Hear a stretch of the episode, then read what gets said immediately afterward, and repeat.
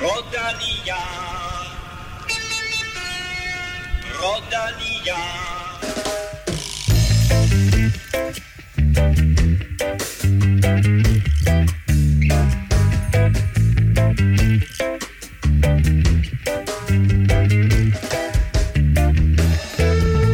Forberedelserne til Tour de France er i fuld gang. I Danmark kan man efterhånden overalt se Tour de France farver og trøjer i alle størrelser og afskygninger. Og i Frankrig, ja, der cykler de op og ned af bjerge i det første store opvarmningsløb.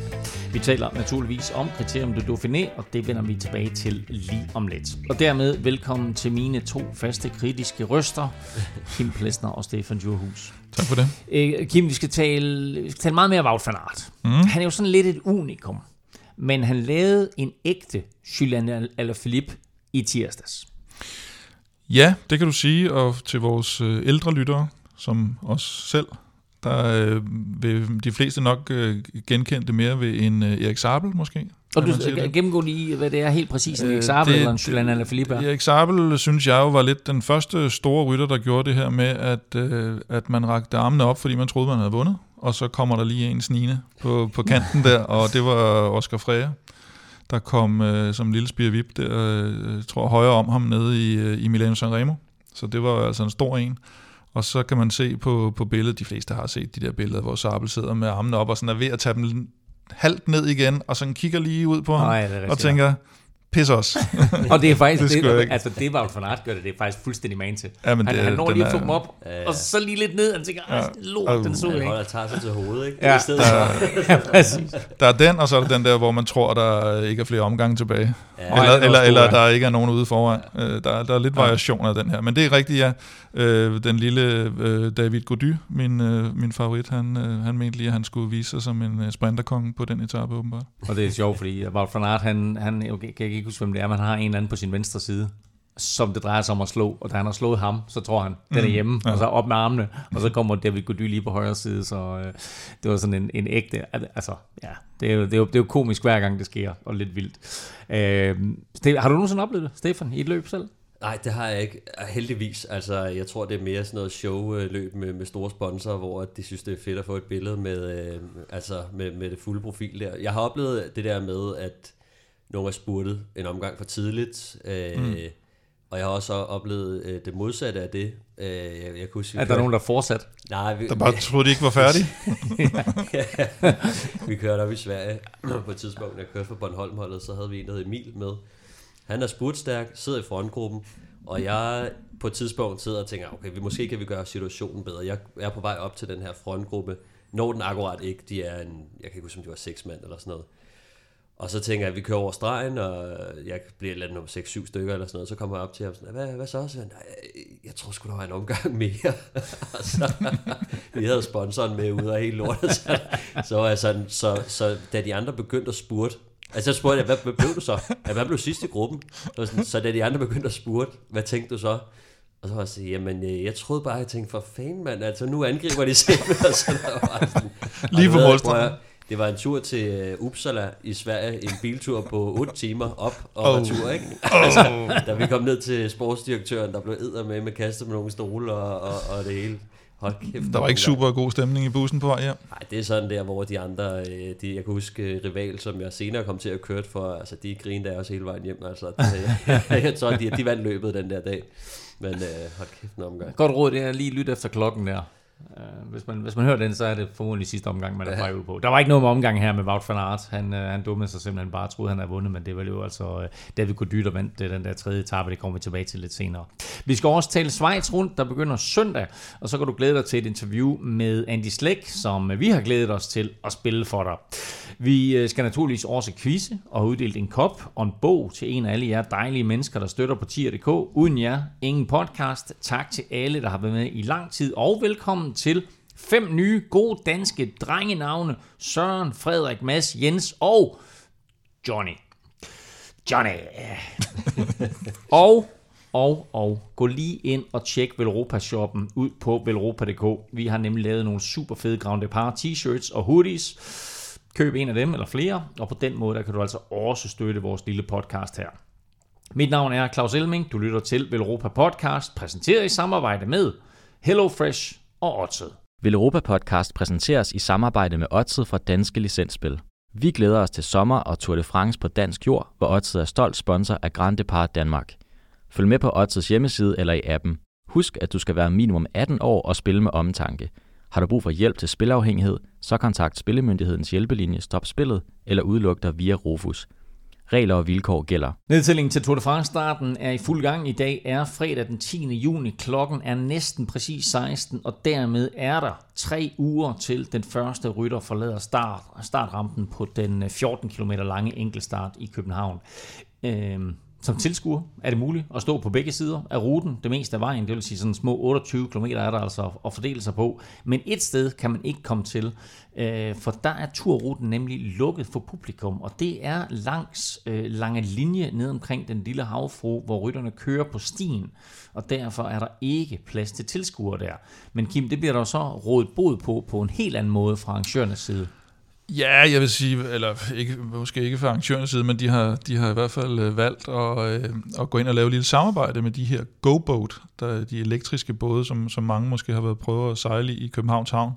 Øh, de bliver simpelthen øh, klistret ind, skulle jeg til at sige, folieret øh, i, i gule farver og øh, med, med alt muligt øh, Tour de France-halløj på i anledning af, af turstarten i København. Og så vil jeg sige, hvis man sejler ud i en af dem og skal se rytterne inde på stien ved lange linje, så skal man måske tage en kikkert med.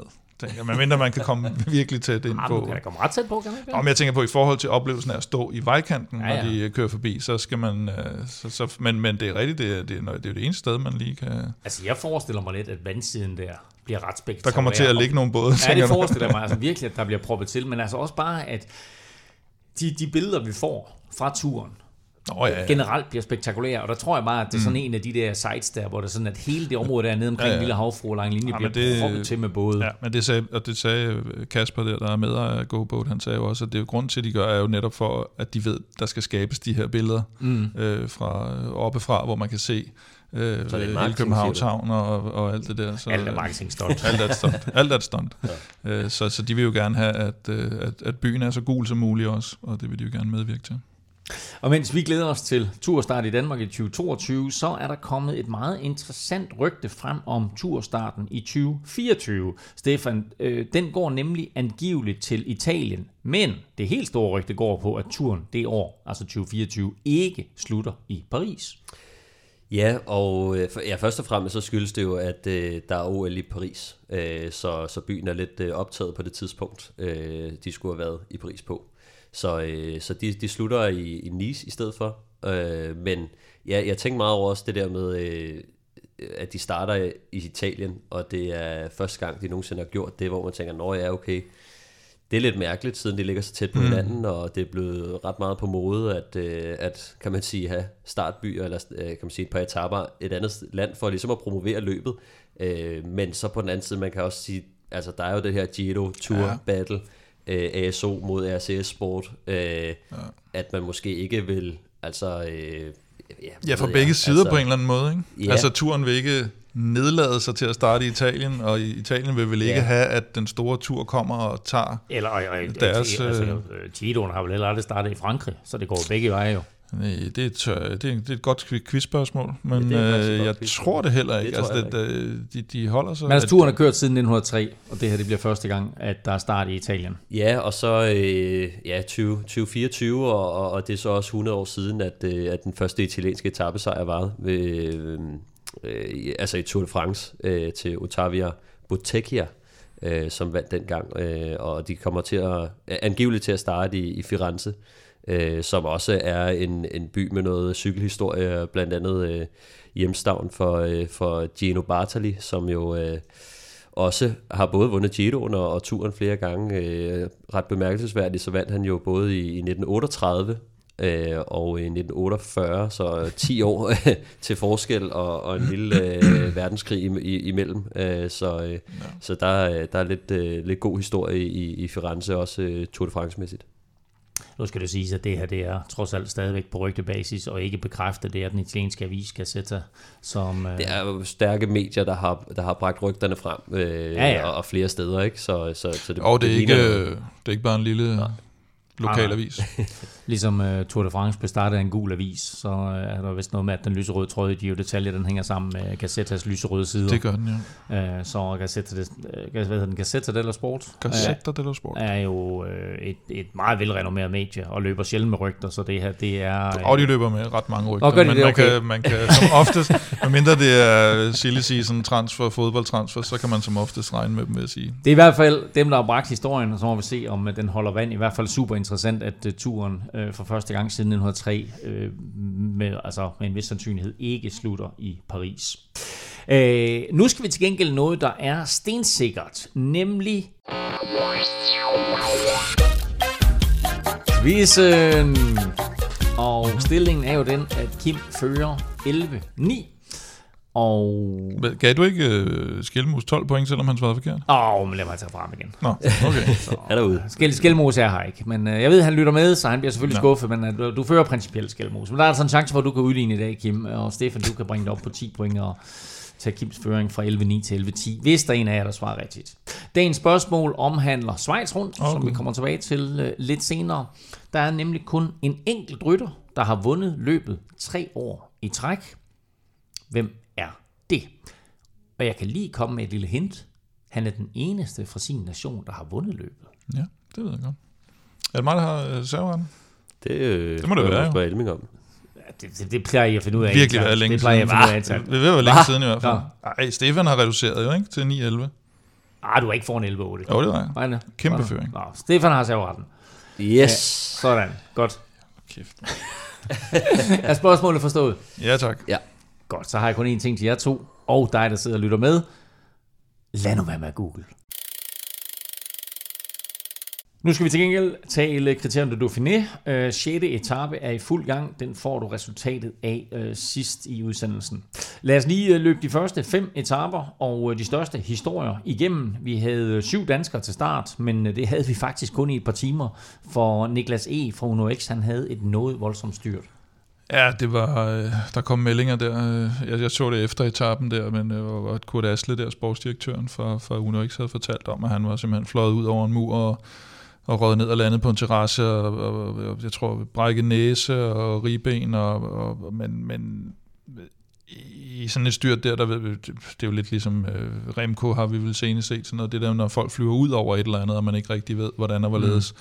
Jeg tror også, Gregor havde, øh, havde var kommet efterfølgende, og havde ligesom bare set en cykel ligge, ikke? og så ved Mm. man godt, at så, så er det altså ikke... Øh, så er det ikke helt godt, og jeg tænker, det, det er ret øh, ubehageligt at køre videre, og så bare ikke få nogen meldinger, og bare se en cykel, ikke? Øhm, så så det, var en, det var en skidt start, og, og lidt ærgerligt for Niklas også, som jo, øh, som jo ligesom skal, kan vi sige, at han skal kickstarte sin karriere lidt her på, på, på Uno X, ikke? har taget et, et lille skridt ned for at, at få lidt selvtillid der, mm. og det, det, det er lidt ærgerligt, synes jeg. Første etape blev øh, vundet af Wout van Aert i en øh, masse spurt, men øh, vel at mærke i en spurt uden feltets hurtigste rytter, Dylan Groenewegen, der Stefan jo stadigvæk her efter fem etaper har en sejr til gode. Ja, altså, jeg, jeg, må, jeg må sgu indrømme, jeg undrede mig meget, da, da han skulle med øh, til, mm. til Dauphiné, fordi at jeg kunne ikke rigtig få øje på en sprinteretap. Mm. Altså sådan helt ærligt, øh, det, det er jo sådan noget Wout van Aert, øh, Ethan Hader måske, men, men det, var nogle, det er jo nogle hårde etapper. Mm. Øh, de kommer med fuld sprinterhold og kronevæggen, og så tænker jeg, altså jeg tror ikke, de kommer i nærheden af noget, og det, det, er, det gør han så, så heller ikke. Altså, de, de andre ved jo også godt, at han er, altså, han er den eneste trussel, og hvis de trykker til på bakkerne, så, så, så ryger han væk. Så det, det vil sige, det undrer mig meget. Det eneste, man kan rationalisere sig lidt frem til, er, at øh, han skal have en ordentlig køretur.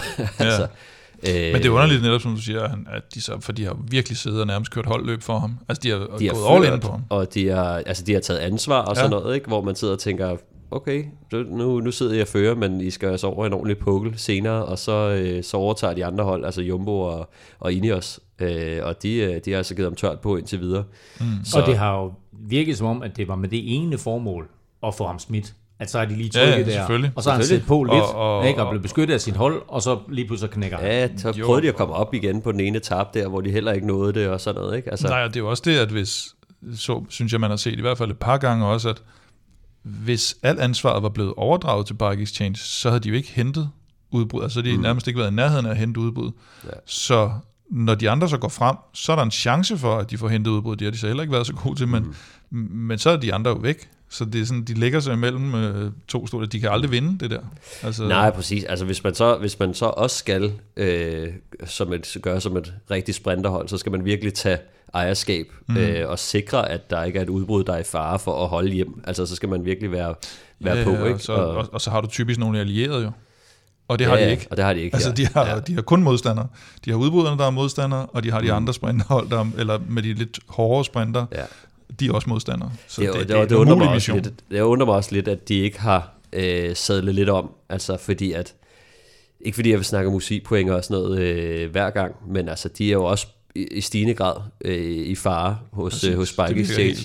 Øh, så, så altså, nu har man set, at Israel øh, har, har været ude at sige, at, øh, at Sepp van Marke, han, står, han, han kommer mm. ikke til turen, fordi han skal ligesom på pointjagt andre steder, altså hvor man kan sige, at den værste konkurrence er jo til turen, øh, så har han øh, chance for... Og jeg så faktisk det samme om øh, Chris Froome, som der har meldt ud, at det ikke er sikkert, at han kommer til, til turen. Nu ved jeg ikke, om, om han ja. var aktuel, men altså, de har i hvert fald... Hvor skal meldt, han køre point ind hen? Meldt ud i Israel. Jamen, jeg ved ikke, hvor han skal køre point hen, men, men, men det, var, det var et spørgsmål om, at han skulle og samle nogle point et eller andet sted, ja. som var nemmere for ham.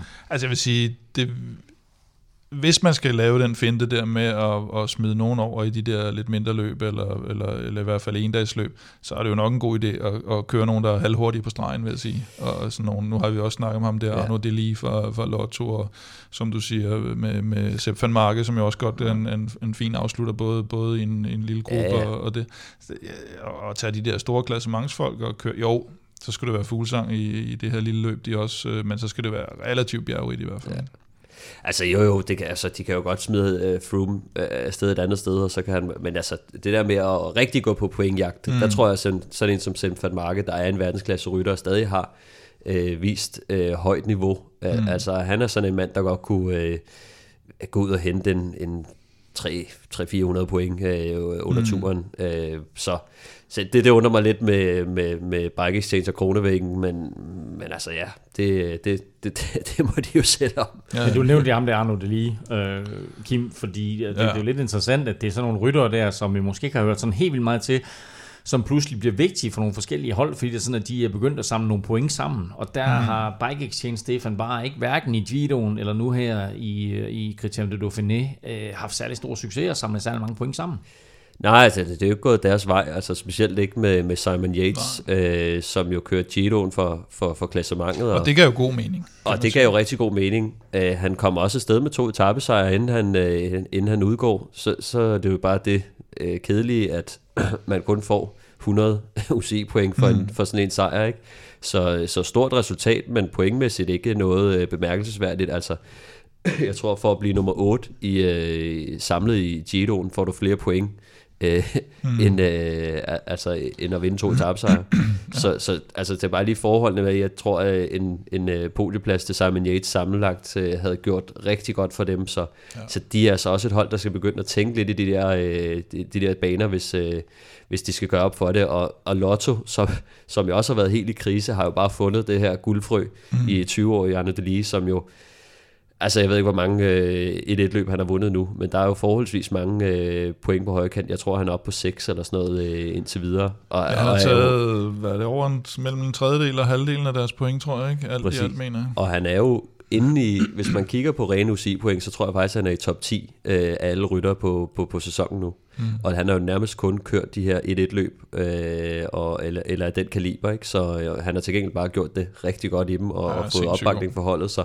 han, øh, han kan ligne en redningsmand for, for Lotto Sudal lige nu, og det er jo ret sjovt, at vi har store navne, Gilbert og sådan nogle, og nu kører de altså for, for en 20-årig øh, Arno Delis, som altså sidste år så han måske lidt lovende ud, men jeg havde ikke spået, at han ville køre så stærkt. Øh, det, det var det så nogle andre, der havde, altså, øh, og, og det, det ser man bare nu, at han er altså et, et nyt stjernefrø. På øh, anden etape, der lignede Wout van Aert igen en vinder, men øh, her der holdt et femmandsudbrud faktisk hjem, øh, sådan med nød og næppe, og så vandt Alexis Viamos faktisk etappen.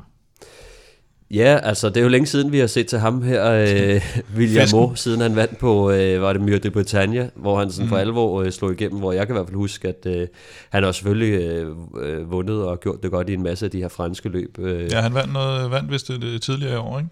I et øh, i fransk løb. Ja, Og, øh, Og tabte til Kasper P. i Paris Tours, ikke? Det, Nej, de to, ikke det de to, der kom var sammen? øh, sammen? Kostende fra, tror jeg. Det var Koste fra, Ja, det ja, rigtigt, ja. Sorry. Ja, det, det er, der er kun en, der trækker vejret på den måde, som Ja. ja. William Moore. den, er ikke til, den er ikke til at slå fejl. Altså Jeg ved ikke, hvad fanden der sker der, men, øh, men ja, altså det undrer mig faktisk meget, øh, den måde, som etappen blev kørt på, altså fordi at øh, det virker som om Jumbo, øh, de var ikke rigtig interesseret, øh, og øh, altså, øh, så, så var det kun Trek, der faktisk gjorde en indsats for at hente det her udbrud, øh, og, og da de lige pludselig ikke havde flere mand tilbage, så sad Jumbo egentlig bare sådan lidt og slog med armene og var sådan, jamen, øh, de havde egentlig ikke rigtig...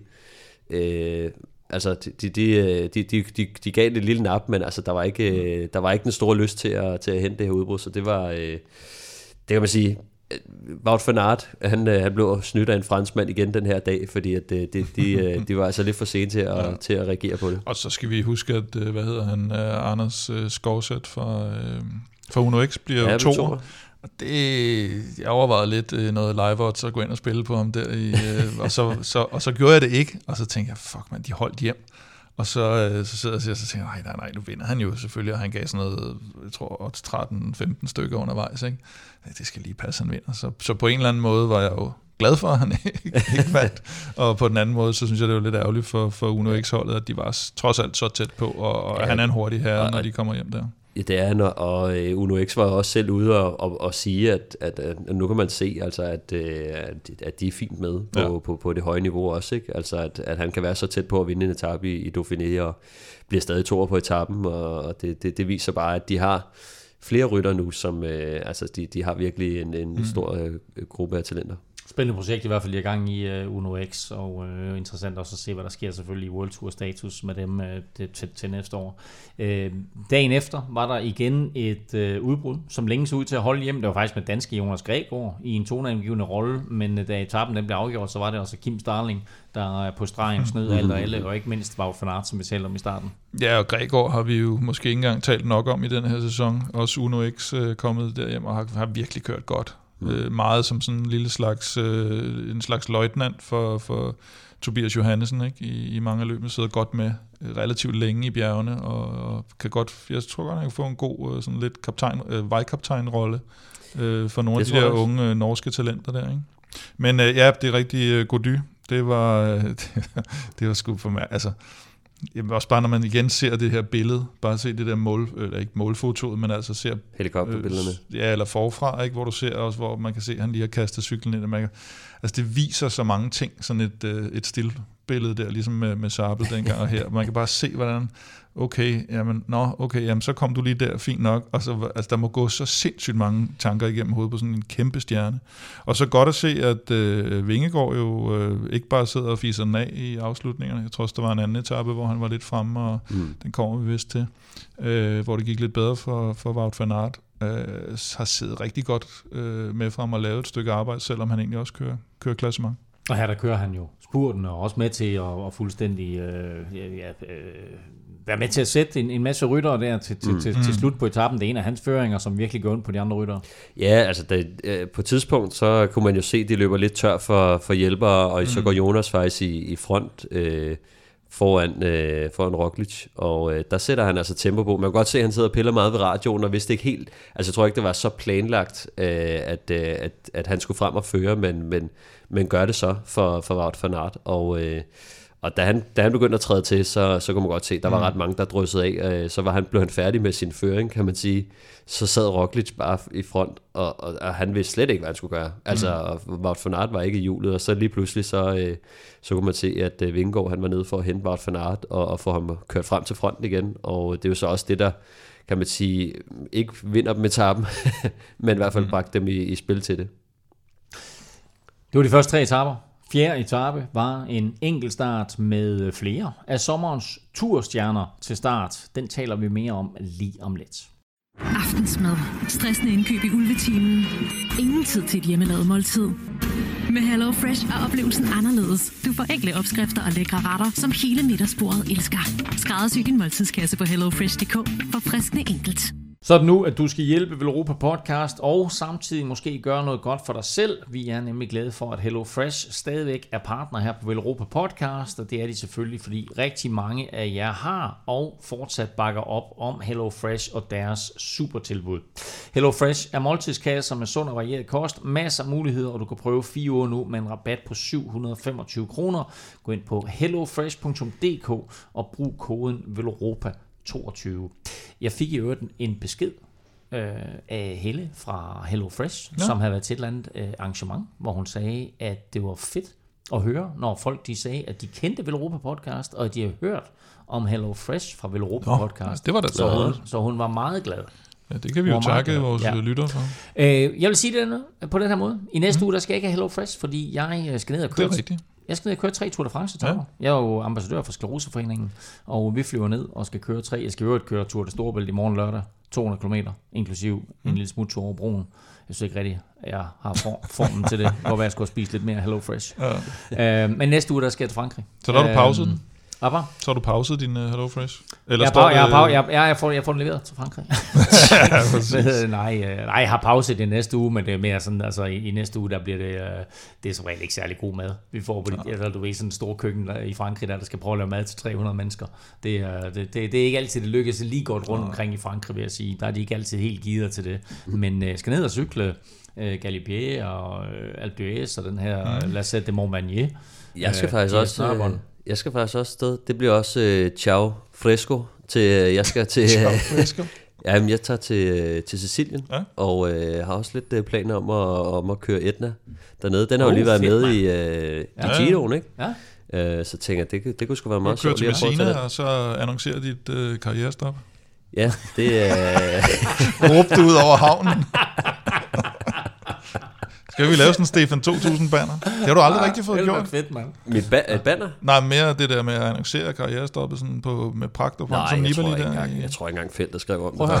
lige sige, øh, Jeg kan huske, da en gang, da jeg forlængede, så, så skrev de øh, stærk hjælperytter eller sådan noget, så tænker jeg, jeg er kraftet med ikke hjælperytter, mand, hvad fanden? Nå. Øh, det er jo lidt ærgerligt, at altså, Stefan 2000 ikke får den her øh, store forkromede afsked med cykelsporten, som han ja. fortjener. Ja. Især fordi i dag er udsendelse 199. Vi har lavet en del special, som ikke tæller med i den sammenhæng, men i dag er udsendelse 199.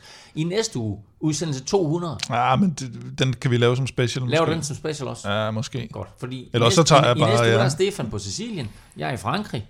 Du er alene, Kim, men får fornemt besøg. Jeg får fornemt besøg af, af vores gode ven øh, Kasper Ankergaard, som de fleste jo kender, og mange har siddet og tænkt, hvor bliver den af? Den der autistiske gennemgang af Tour de France-ruten, den har vi gemt denne her gang til folk har Tour de France i sådan lidt mere erindring end, øh, end de andre gange, hvor vi har taget det sådan nærmest lige efter ruten er, er blevet offentliggjort. Øh, blandt andet fordi det selvfølgelig er i, i Danmark. Så når Christian Dauphiné er forbi, og Schweiz rundt er i gang, så har vi altså Kim Plesner sammen med Kasper Nkagor, vores seniorrute øh, tur. Det kan godt gå hen og blive lidt nørdet. Det kan godt gå hen og blive en lille smule nørdet. Ja. Men I laver i hvert fald udsendelsen i næste uge, som så officielt ikke er udsendelse 200. Så laver vi officielt udsendelse 200, når vi to er tilbage, og så laver vi den store afsked til dig, Stefan. Ja, så laver pomp, vi- ja, det er pomp, og pragt. Med hilsner Ja. fra nær og fjern. Lige nøjagtigt. Nå, anyway, jeg skal have øh, et eller andet tilfældigt mad i næste uge. Du skal have noget lækker italiensk. Ja. Kim, øh, Jeg er tilbage på Hello Fresh-bordet, for jeg har jo været på konference så igen. Det er derfor, vi optager i dag, i stedet for på onsdag, eller i onsdags, som vi normalt gør. Så jeg har jo spist ude, kan man sige. Ja, det har du. Det kan du godt lide. Det kan Stefan. Du samler appetit hjemme og Ja. spiser ude. Ja, eller forhåbentlig omvendt. Ja. Øh, så, hvad hedder det? Øh, Ja, du, du, du, det er koldt der. Du vil sige noget med fisk. det er jo noget med fisk, ja. Jeg begynder at spise meget fisk.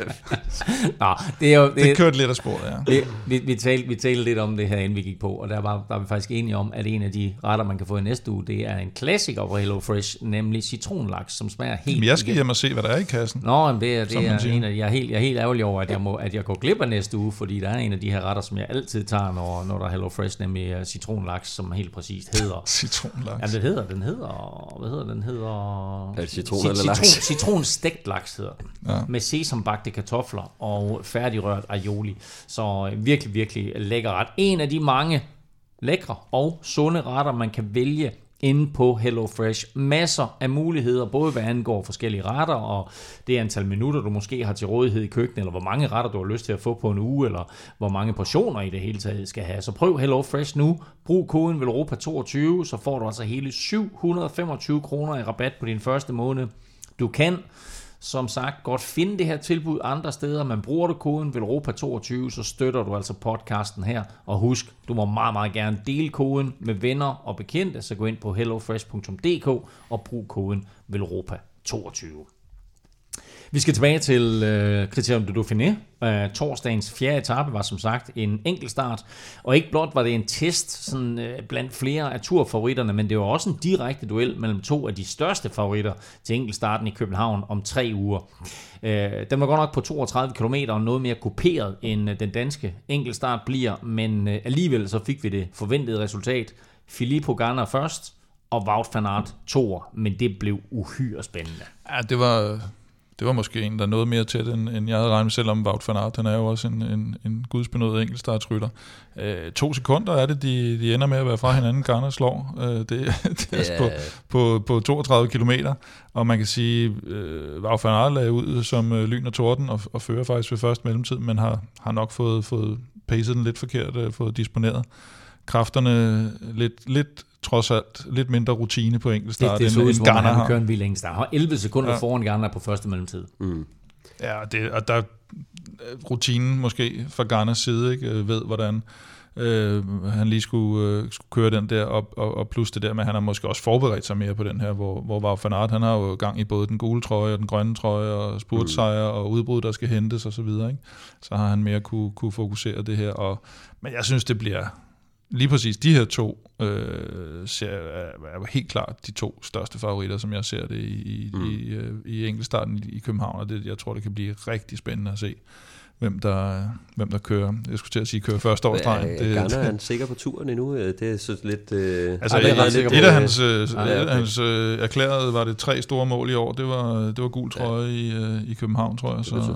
Så må ikke. Men, Men altså, var Fanart foran med 11 sekunder ved første mellemtid. Anden mellemtid, der er Ghana foran mm. med 11 sekunder.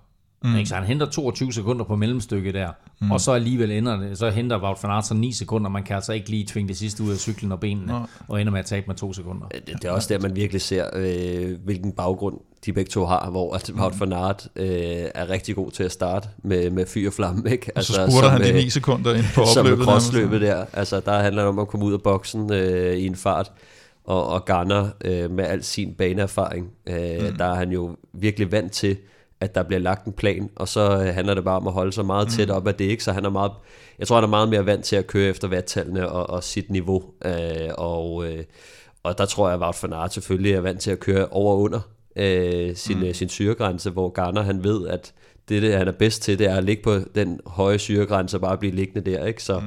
så altså, det, det, det siger noget, fordi at man kan sige, jeg tror egentlig, at øh, jeg havde, altså når man kiggede på ruten, og der var, det var ikke så besværligt, men altså, det var nærmest, jeg havde nok spået den omvendt, altså at, øh, at den første sektion øh, havde favoriseret Ganner mere, mm. altså øh, hvor han så taber tid til, til Wout van Aert, ikke? Så, øh, så på den måde, så tror jeg, at, som Kim også øh, sagde, at, at, at det handlede hvis meget om pacing. Hvis, hvis man ser på ruteprofilen, sådan kort fortalt, øh, så går den nedad til første mellemtid. Ja. Så går den opad til anden mellemtid, og så går den nedad til mål. Og der mm. kunne man jo forestille sig mm. lidt, at, at Wout van Aert ville have en fordel opad. Men der er det igen det med pacingen, hvor Ganna ja, jo bare så... altså, er imponerende til bare yeah. at holde et eller andet konstant tråd over de der øh, 32 km. Jo, for mange gange så ser man jo også, eller typisk ser man jo det øh, allerede, når du ser første mellemtid i de fleste enkeltstarter, så kan du godt mærke, ja. hvor det bærer hen af. Og så udbygger den, der har føringen ved første mellemtid, som regel faktisk den føring undervejs. Mm. Øh, det, det er i hvert fald sådan, man mest ser det, men mindre det er sådan en meget, meget øh, øh, speciel profil. Øh, så det der med, at det sådan ligger og skifter lidt. Øh, tidligere har man også mange gange set både, som jeg husker det, øh, US Postal Discovery Channel og Sky, Ineos, øh, netop lave den her med, at de godt kunne være sådan lidt efter ved første mellemtid. Og så var der nogen, der sådan begyndte at dømme dem lidt ud, og så havde de bare faktisk lagt den der pacing-strategi fuldstændig mm. perfekt, så de egentlig øh, fik, fik øh, sparet kræfterne helt rigtigt. Det er det, man ser oftest, altså i forhold til, at det, det varierer lidt for, for mellemtid. Det er jo folk, som, som lægger ud efter planen og finder ud af, at de ikke har benene til at holde mm. planen. og det er jo selvfølgelig altid, øh, det er jo selvfølgelig altid lidt, øh, lidt uheldigt, ikke? Øh, men, men så dem, de, de mere erfarne, de, de plejer at starte ud lidt under, øh, kan man sige, med at have en lille smule øh, i tanken, fordi at det er så farligt at komme op i rød zone, altså øh, hvor man begynder at bøvle lidt med den, fordi at der er sådan en, øh, hvad kan man sige, sådan en recovery phase, som tager ret lang tid, altså øh, når man sidder og skal holde sig så tæt på, på topniveauet, at øh, jo, jo flere gange man kommer op og, og kan man sige, brænder nallerne på, på den røde zone, mm. så, øh, så koster det ret meget tid, så, så hellere ligge lidt, lidt under, og så kan man sige, køre lidt mere progressiv, det er i hvert fald den, kan man sige, den lidt mere sikre øh, vej øh, at, at køre, hvis man, hvis man gerne vil køre for eksempel klassement eller, eller lidt mere en, en stabil tid. Har vi sådan en indtryk af, øh, den her enkeltstart er selvfølgelig meget anderledes end den i København, men har vi indtryk af, om, altså at Garner er meget hurtigere på 14 km på en, på en fuldstændig flad rute med nogle sving, end han er på sådan en rute som den her? Man kan sige, sving, nah, nu skal jeg til at sige, at svingene kunne så være det, der var til Wout van Aerts fordel, på grund af noget teknik måske, men Garner har sgu også bare taget de der sving, nogle gange man har set de der enkelt starter ja. ind i byerne, hvor han bare, altså der er nærmest ikke en millimeter til til gengæld, så, til gengæld så er der noget med accelerationer, øh, som også ja. betyder ret meget, fordi at Wout van Aert har en, en vanvittig optræk, det ved vi jo. Øh, ja. Så, så der, der kan være lidt med, med de skarpere sving, at, øh, han måske godt kunne tabe et, ja. et sekund øh, i, i dem, ikke? altså et sekund eller to. Øh, så på Garner vil jo altid være favorit, men, øh, men, men, men det bliver på dagen, tror jeg, den her. Altså hvem ja. der lige rammer den. Det er også et spørgsmål om, hvor meget de kan nå at forberede sig. Altså jeg, mm. det, det, jeg tror, den er ret svær at få en idé om, sådan en som den her. Mm. De her byruter, øh, når man kigger på VeloViewer og hvad de ellers bruger for at finde ja. ud af, hvordan ruten ser ud.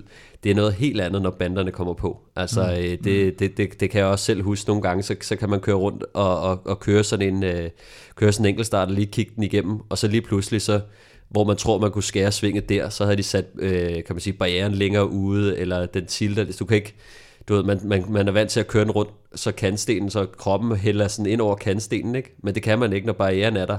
Mm. Altså, så der er nogle ting, hvor at det, det bliver, kan blive vidt, altså meget anderledes, og, og hen over, jeg kan sige, ved den lille havfru og alle de der sektioner, mm. der kan det altså variere meget efter, hvordan de lige stiller det op på, på dagen. Men man kan jo sige, at pacing får nok ikke så stor betydning, til gengæld på så kort en distance. Der vil det jo bare være mere eller mindre all out, ikke? Og ja. så, øh, ja, så må vi se, og, så, og, og i forhold til det netop også, der, der er forskellige måder at køre det på, Wout van Aert kører det på sin måde, gerne kører det måske lidt mere pæt, og så er der Pogacar. Han kører bare, ja. han, han øger, øger bare men, successivt. Men, men der er Pogacar, han er selvfølgelig ikke med her. En anden duel, som vi jo holdt lidt øje med, det var jo den duel, der hed Jonas Vingegaard mod mm. Roglic. Mm. Og den faldt ikke helt ud til danskernes fordel, på trods af, at han blev sådan en, en respektabel nummer syv på enkeltstarten. Nej, altså øh, jeg vil sige, først og fremmest så synes jeg faktisk, at øh, Primoz Roglic han kører lidt under niveau. Altså øh, jeg ved godt, at han mm. bliver nummer 5 på, på etappen, som jo plejer at være et, et fint nok resultat for ham, men, men altså når man kigger på, at han, han taber til uh, Ethan Hayter, uh, øh, Matteo, Mattia Catania, altså øh, der vil jeg sige, der, der er du ikke tur klar endnu, altså øh, til, at, til at være ja. sådan uh, stor favorit. Jeg synes, Ethan Hayter er, er et kæmpe stort talent, og, og er virkelig god til det der, også som al sin baneerfaring, men, men altså, vi taler også om uh, en, en, en olympisk mester i enkeltstart sidste år, ikke? Altså, han, han kørte virkelig, virkelig stærkt uh, på den enkeltstart, og det viser lidt af topniveauet for ham, og han plejer mm. jo også at ligge i, en, i hvert fald i en top 3, uh, men, men, og al ære respekt til Catania og, og, og de der, men, men der burde Roglic altså være noget tættere på, på Wout van Aert og, og ikke blive slået af de der typer, men når man så kigger på forholdet mellem øh, Vingegaard og Roglic, så, så, så, altså, så jeg taber Vingegaard, han tager bare 30 sekunder øh, på den her enkelt start. Mm. Øh, og, og det, det vil jeg egentlig sige, det er okay forholdsmæssigt til det. Det kan være, at Roglic han kører lidt stærkere, det kan også være forhåbentlig, at Jonas kører lidt stærkere til turen, men, men altså, det, der er vi jo nede på, at hvis man kigger på Tour de France, hvor der er en 12 km enkeltstart og en 40 km enkeltstart senere på, i, i Tour de France, mm. lidt flere enkeltstartskilometer, hvis man tager det forhold og prøver at overføre til Tour de France, øh, så taber han jo omkring øh, 50 sekunder, øh, måske lidt mindre. Minus det, han kører stærkere i København, fordi der er hjemmepublikum. Ja, præcis. Ikke? Altså, så jeg tænker sådan, så enkeltstarterne mm. er jeg ikke bekymret for i forhold til Vingegaard, øh, fordi at der, der er vi stadig inden for, kan man sige, striking distance på en ja, god dag i bjergene. Øh, så Så, så, så, så på den måde synes jeg egentlig, det er okay, men, men Roglic underpresterer lidt, øh, til trods for en, en femteplads, øh, mm. som er lidt skørt at sige. Og har det noget med, at han lige kommer fra skade og gør, Kim? Ja, det den øh, sæson, han har, eller forårssæson, han har haft denne her gang op til turen, har ikke kørt så snorlige, som man, som man nogle gange ser øh, frataget, øh, når han styrter i Paris-Nice, eller hvor det var, han styrte sidst der. Øh, så han kommer sådan lidt tilbage nu og skal by- stadigvæk bygge noget form op. Og der, jeg synes stadigvæk, der er tid nok til, at... Altså, det er jo heller ikke sådan, han bliver stadigvæk nummer 5. Han er ikke, altså, han er ikke væk. Øh, så han har stadigvæk Nej. tid nok til at være, inden de begynder at ramme bjerge og sådan noget i Tour de France, der har han rigeligt med tid til at finde, øh, finde topformen. Men det, det bliver noget sådan timing, fordi det er sværere, end hvis du bare har kørt den øh, snor lige op til, og alt i dit forårsprogram bare har flasket sig, og du ved, nå okay, skal jeg lige ned der op der, og så Ja. passer det med, det, det er jo trods alt noget nemmere, så, så det giver lidt benspænd, den, øh, den måde, han har kørt øh, Ja, det, det er også det der med, at han, han, han skal jo nok være på, på højdetræningslejr også, ikke? Og øh, altså, måske han ramt af noget, noget kulder derfra, øh, men, men om ikke andet, altså med den knæskade, som jo er en, var en overbelastningsskade, mm. han døjede med, og det er sådan nogle, de er rigtig farlige, fordi at det er sådan noget, der kræver noget hvile, mm. øh, og man ikke kan, kan presse citronen så meget, øh, så, øh, så altså, han, skal, han har ikke ret meget at rykke med efter Dauphiné. Altså, øh, der, øh, der, der, det er svært at rykke på særlig meget, fordi alle træner stort set det samme øh, ja. og, og gør, altså bruger de samme metoder, så, så det, det er en procent eller sådan noget, man lige kan rykke på, ikke? og så, mm. så, så, så, så alt arbejdet burde egentlig have været lavet på, på nuværende tidspunkt, fordi at Altså, øh, selvfølgelig er det en vigtig periode op til turen, lige at få, det, få, få kørt de sidste mm. par intervaller, og, og lige få timet, øh, kan man sige, friskheden ordentligt, men, men altså, det niveau, han, han har nu, der, det, det, det, det ændrer sig nok ikke øh, så meget øh, til Tour de France. Hvis han så ikke rammer topform der, så har han jo altid Vueltaen, han lige kan, så kan han, så kan han bygge, bygge videre på. Så kan han lige den. vinde Vueltaen. Ja. Men det bliver spændende. Jeg synes, det bliver spændende at se uh, Vingegaard og hans uh, i gåsøjne duel her i weekenden, mm. fordi der, nu har der været det her delte kaptajner, og Roglic er jo selvfølgelig alt andet lige, trods Vingegaards andenplads sidste år, er han vel lidt højere i hierarkiet stadigvæk. Det er ikke sådan, at de, hvis han nu ikke laver et godt resultat, at så smider de ham bare væk som kaptajn. Men der sker jo nogle ting, og jeg ved, vi også vender tilbage til det omkring uh, Jumbos uh, turhold, og den der måde med, at det hele har været hugget ud i sten, mm. og så nu begynder man sådan at lave lidt om på. Så hvad nu hvis, at Roglic falder lidt igennem her i weekenden, Vingegaard mm. kører godt, eller omvendt, ligesom så man Vingegaard gå ned i Liège og sådan noget. Kan det rykke ved det? Altså kan mm. de lige pludselig også sadle om på deres kaptajnstrategi, som de har sadlet om i deres holdudtagelsesstrategi? Det bliver spændende altså, at se. Ja, jeg- jeg- Wout van Aert fører løbet. Og Ja, han- det er rigtigt. og Han, han- det kan være, han slår Roglic med 40 sekunder enkelt start. ja. Jeg har faktisk, der var faktisk en pointe, som jeg, øh, som jeg også så et andet sted, som jeg synes var ret sjov, eller ret interessant, fordi det var sådan et, har vi været for hårde ved Roglic i forhold til at dømt ham, altså Pogacar bedre. Mm. Øh, og det er jo Jeg sådan, tror, jeg så den samme pointe, ikke? At han har en dårlig etape, og det er 20. etape, det er enkeltstart, apropos. Ja. 20. etape i 2020, 2020. hvor han går helt ned. ja. Og- Nej, det gør han jo ikke, for han bliver jo... Jo, jo, jo, kører, han, han, han, går Han nok taber meget til- han, til han går nok ned til, Ja, ja. at Pogacar vinder turen. Ikke? Mm. Og så sidste år, der styrter han jo ud af turen, Roglic. Hvor Pogacar vinder igen. Og pludselig så er vi der, Pogacar uslåelig. Ja, ja, ja, ja. Øh, og, og der kommer pointen så. Ja. Har, vi, har vi været for hårde ved Roglic? Ja, det er det. Altså, det, øh, lige nu, der vil jeg sige, med en, med, en, med en knæskade, hvor han bliver nødt til at, altså, hvor han, hvor han mm. med, med nød og næppe får, får klaret sig igennem løbet, og, og han skal have en pause og alle de her ting. Det synes jeg er sådan lidt faretroende. Men, mm. men udover det, altså, så har han jo været vanvittigt træfsikker.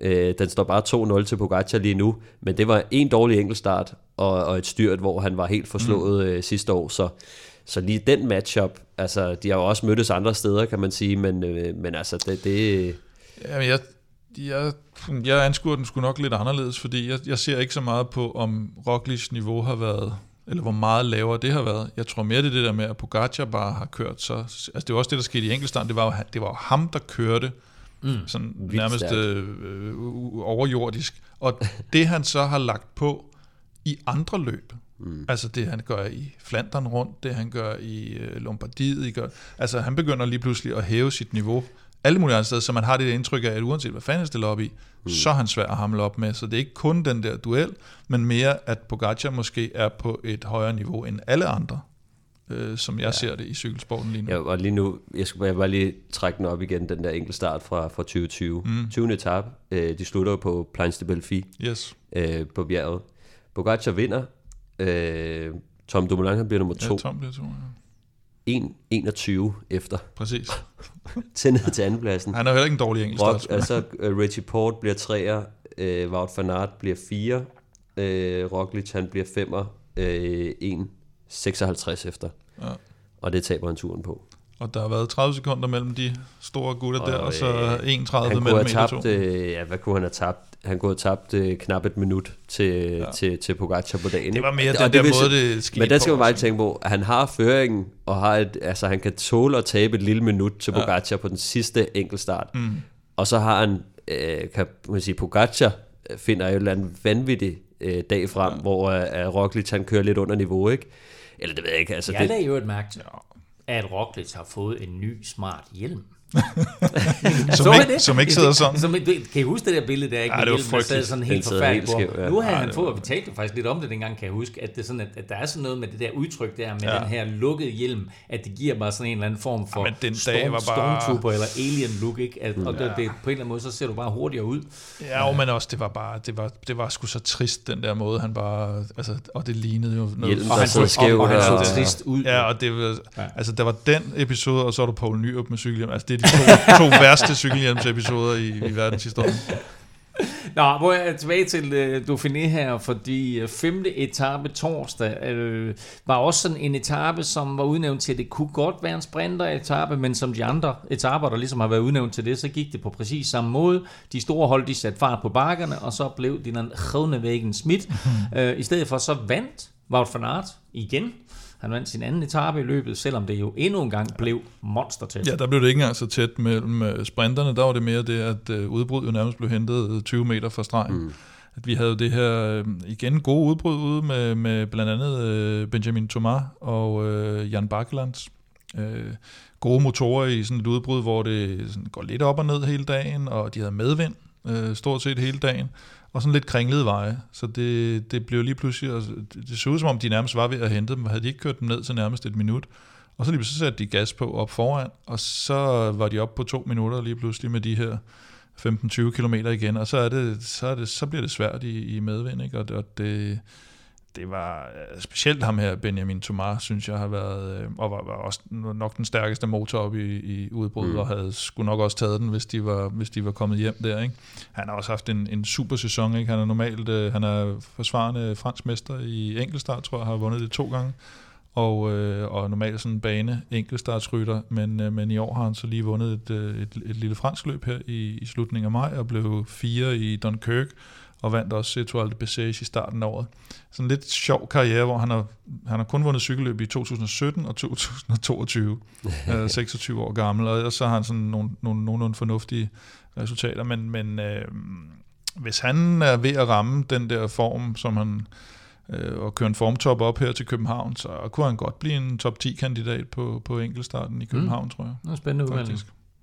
Øh, men øh, spurten endte så med, at, øh, eller man kan sige, det, det opløb endte med, at, at feltet, eller det der, det, det der tilbage af feltet, hentede de her, kaos, ja. øh, de her fire udbrydere, ikke, som jo bliver hentet hvad, ja, 50-100 meter før mål. Ikke? Jo, og Van Aert må nærmest starte sin spurt 400 meter før mål, eller sådan noget, for at hente dem. Ja, jeg tror faktisk, Christoffer Nå, nej, Laporte, han, der når lige, at- øh, han når lige bagenden af, af gruppen der. Ja, det er rigtigt. Benjamin to, øh, Thomas, han er jo lige kørt, øh, han sidder lige et par meter foran de andre.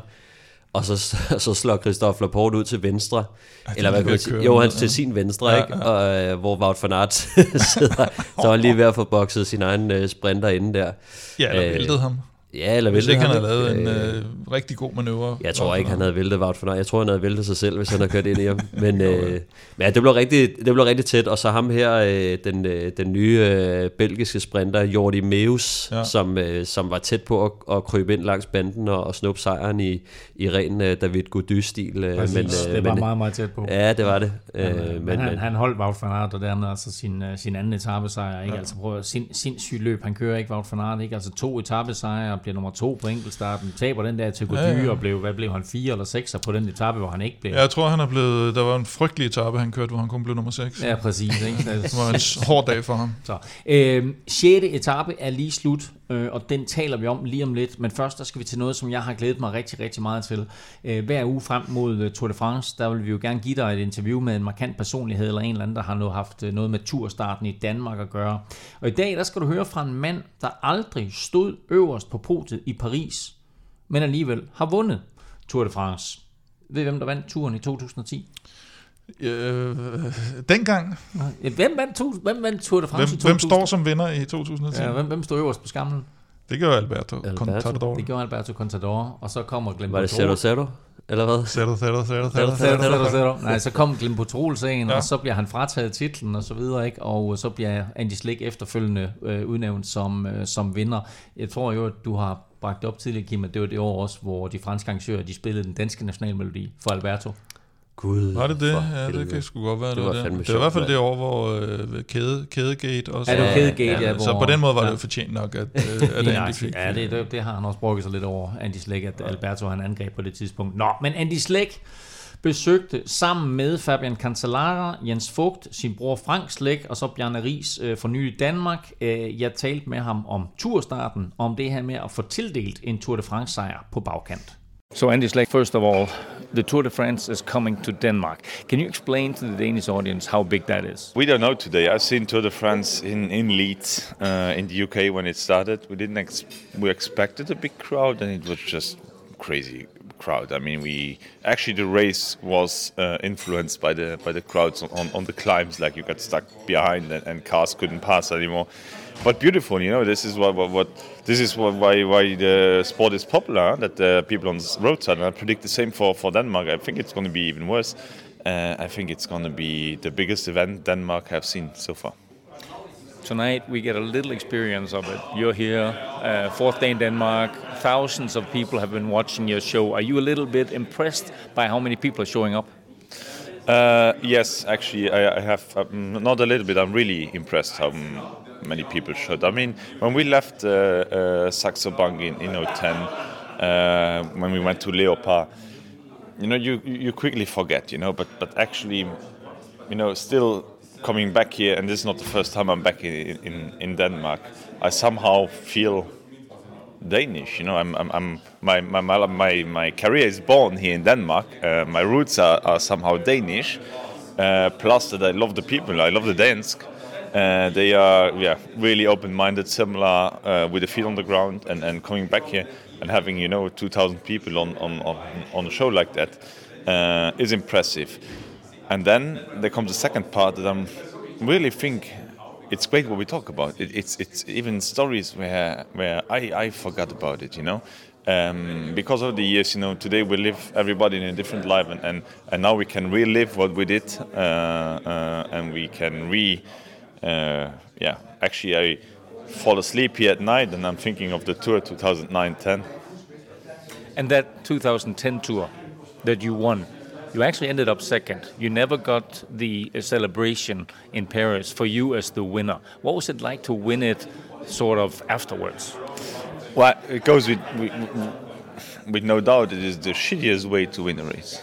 It can't be worse. Um, because I don't know the feeling how it is to stand on the podium in Paris in yellow uh, on, the on the top step.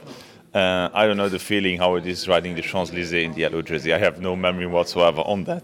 I rode in the white jersey.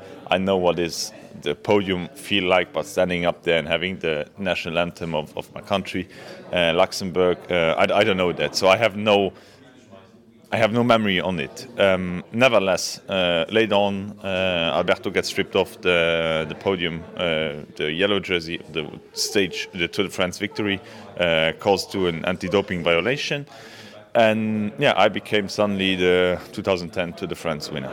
In the beginning, I had a hard time kind of accepting that because you accept the victory because you, you win it on the road because you're up there. Uh, until one point, and, and something clicked, and I said like, I am the Tour de France winner of 2010, and no doubt about it, because it was not me who did the anti-doping test. It was not me who decided to strip uh, the jersey off his shoulder and ban him uh, for a certain amount of time. Time. They are high-educated people uh, in Lausanne, uh, in Aigle, uh, judges who studied for 15 years and more, who are capable of taking a decision like that, and they took the deci- decision to uh, strip off the tour title from Alberto. Um, no hard feeling against him uh, at all from my side, but 2010 is my tour. Uh, I'm standing in the books and I also live it today. And how did the Tour de France celebrate you afterwards? Uh, I got invited to Paris from the President Hollande, uh, President of the French Republic at the time. I was invited uh, into the Elysee, which is quite cool because not many people get the chance to get in there. Uh, I was sitting on a table similar than here uh, with uh, uh, President Hollande having a glass of champagne, and he came in with a trophy and the yellow jersey I get laid on from on behalf of of Azo. So it was was quite cool because um, it was like a kind of uh, yeah. Uh, I didn't experience the podium in Paris, but I experienced to sit with the president of the French Republic uh, on, a, on a dinner table and having a glass of champagne and actually discussing quite, quite frankly, frankly uh, with him over an hour. So that was quite cool. That was my celebration of the tour. Um, but the memories of Paris remain with the second place and the white jersey. But the result is that I won the tour 2010.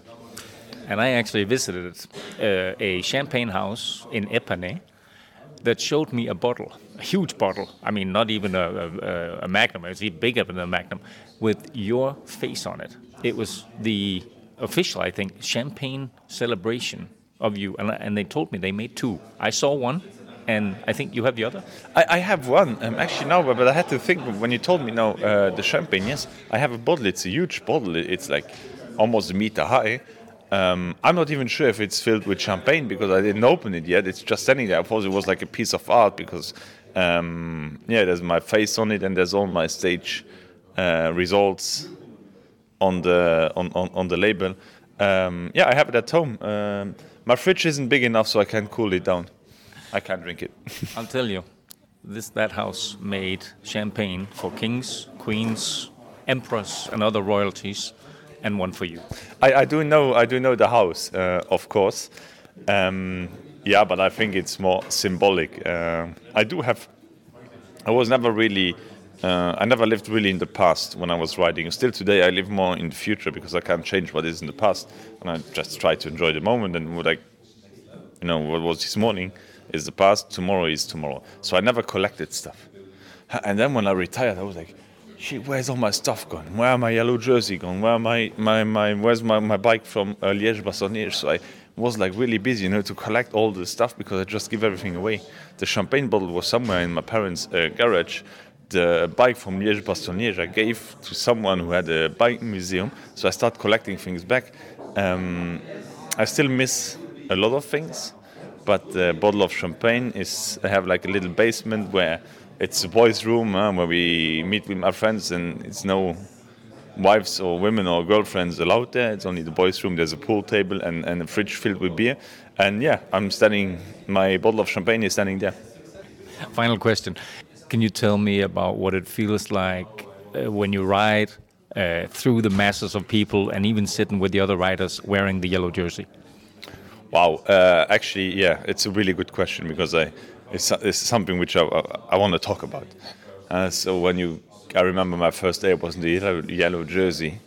It was like the best feeling ever. You know, you just go on the start, and you know you come from because I, I didn't wake up and won the Tour de France. I was a small rider. I didn't even like compete big races my first year. So, you know, all the work, work, work, work you do all the, over the years, the sacrifices, the pain, the the, the the ups, the downs you go through and then suddenly you, you put your jersey in in the bus and I feel like it's tomorrow and you go on the start line everybody's looking at you and suddenly you are yeah uh, there's a, a, saying the yellow jersey club. So when you're in there you're in there and you never leave again and because there's not so many who have it huh? so actually it is quite cool because all four who we are here we, we all sorry five including Bjarne you know we are in that in that club. And um, it's quite special the, the, the yellow jersey. It's yeah, the pinnacle of success in cycling. I do believe even stronger than an Olympic medal and a world championship uh, jersey.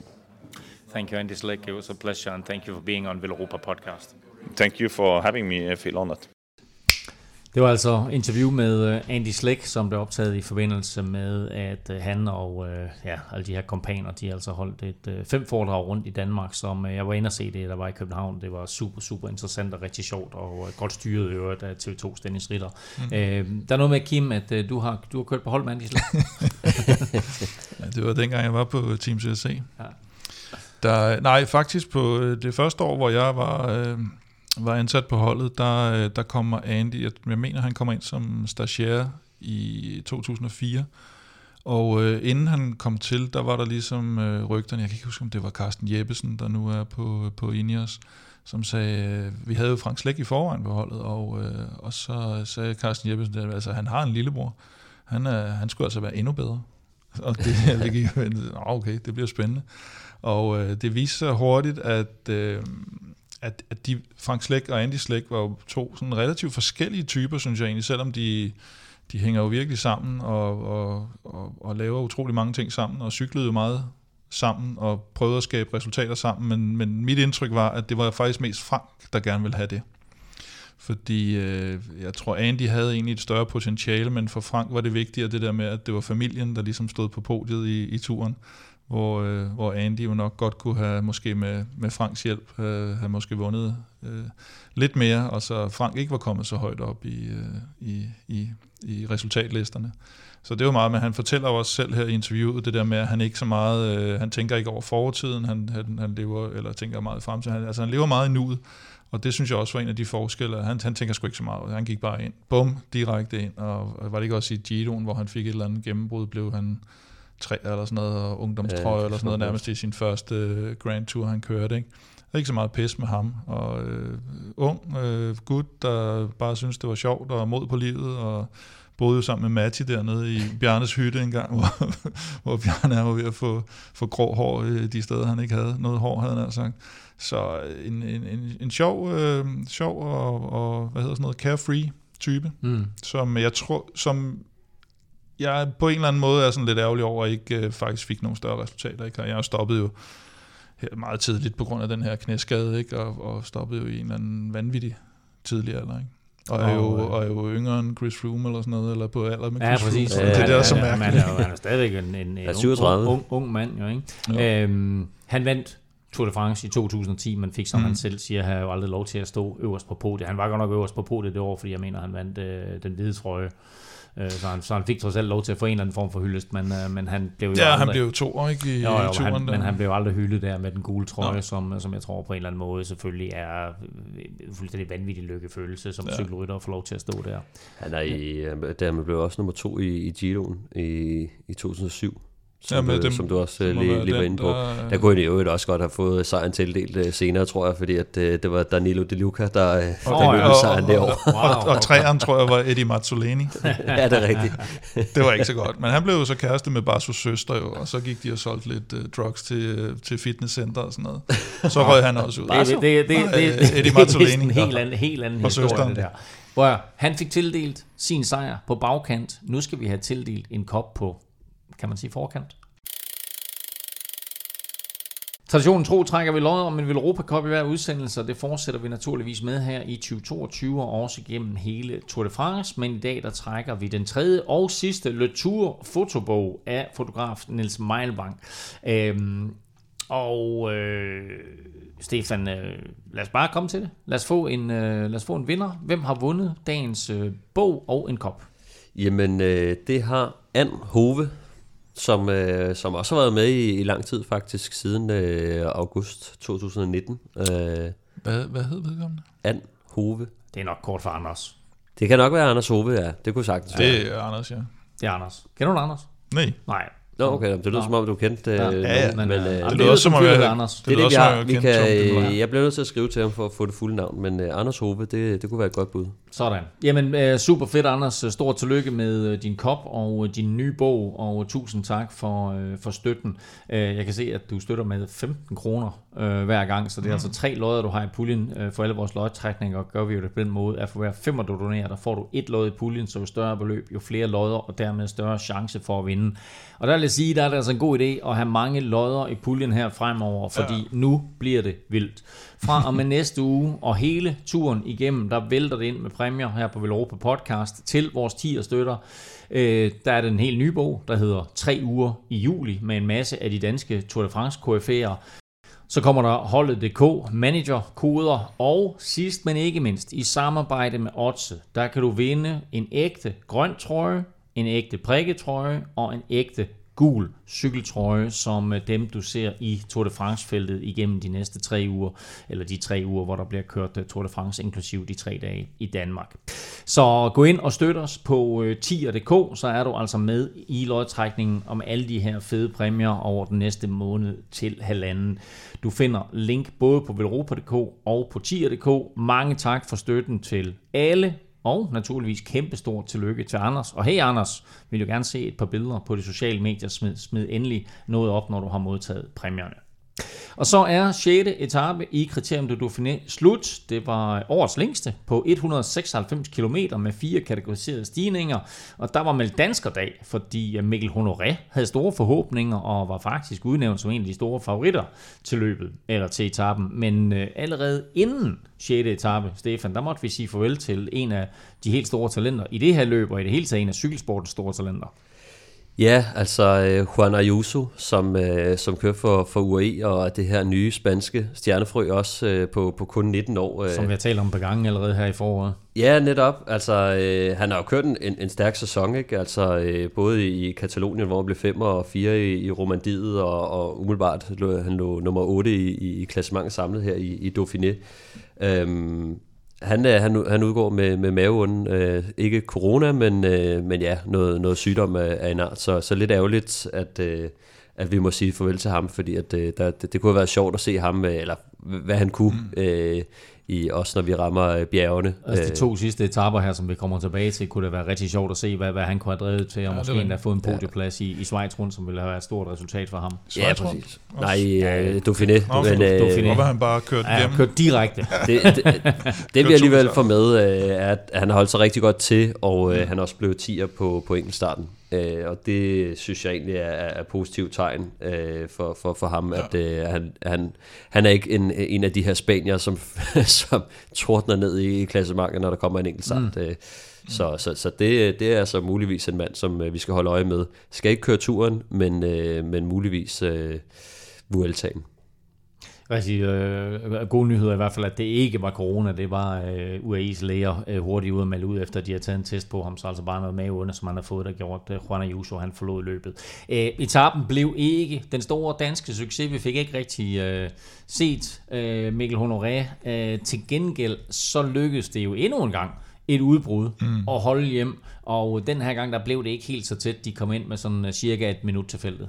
Nej, jeg tror, de havde små 30 sekunder eller sådan noget til sidst. Ja, ja, men det var mere fordi, ja, der gik lidt taktik i den. De lige gik lidt med. Og så øh, var det en rytter, der vandt, som jeg nærmest aldrig har hørt om, vil jeg sige. Det, det må jeg simpelthen blankt erkende. Valentin Ferron, som mm. øh, jeg har så tjekket op på ham siden, øh, 24 år gammel, og har øh, tidligere vundet en etape i Tour de Rwanda, hvor der jo skal være VM øh, om... På et tidspunkt. På et tidspunkt.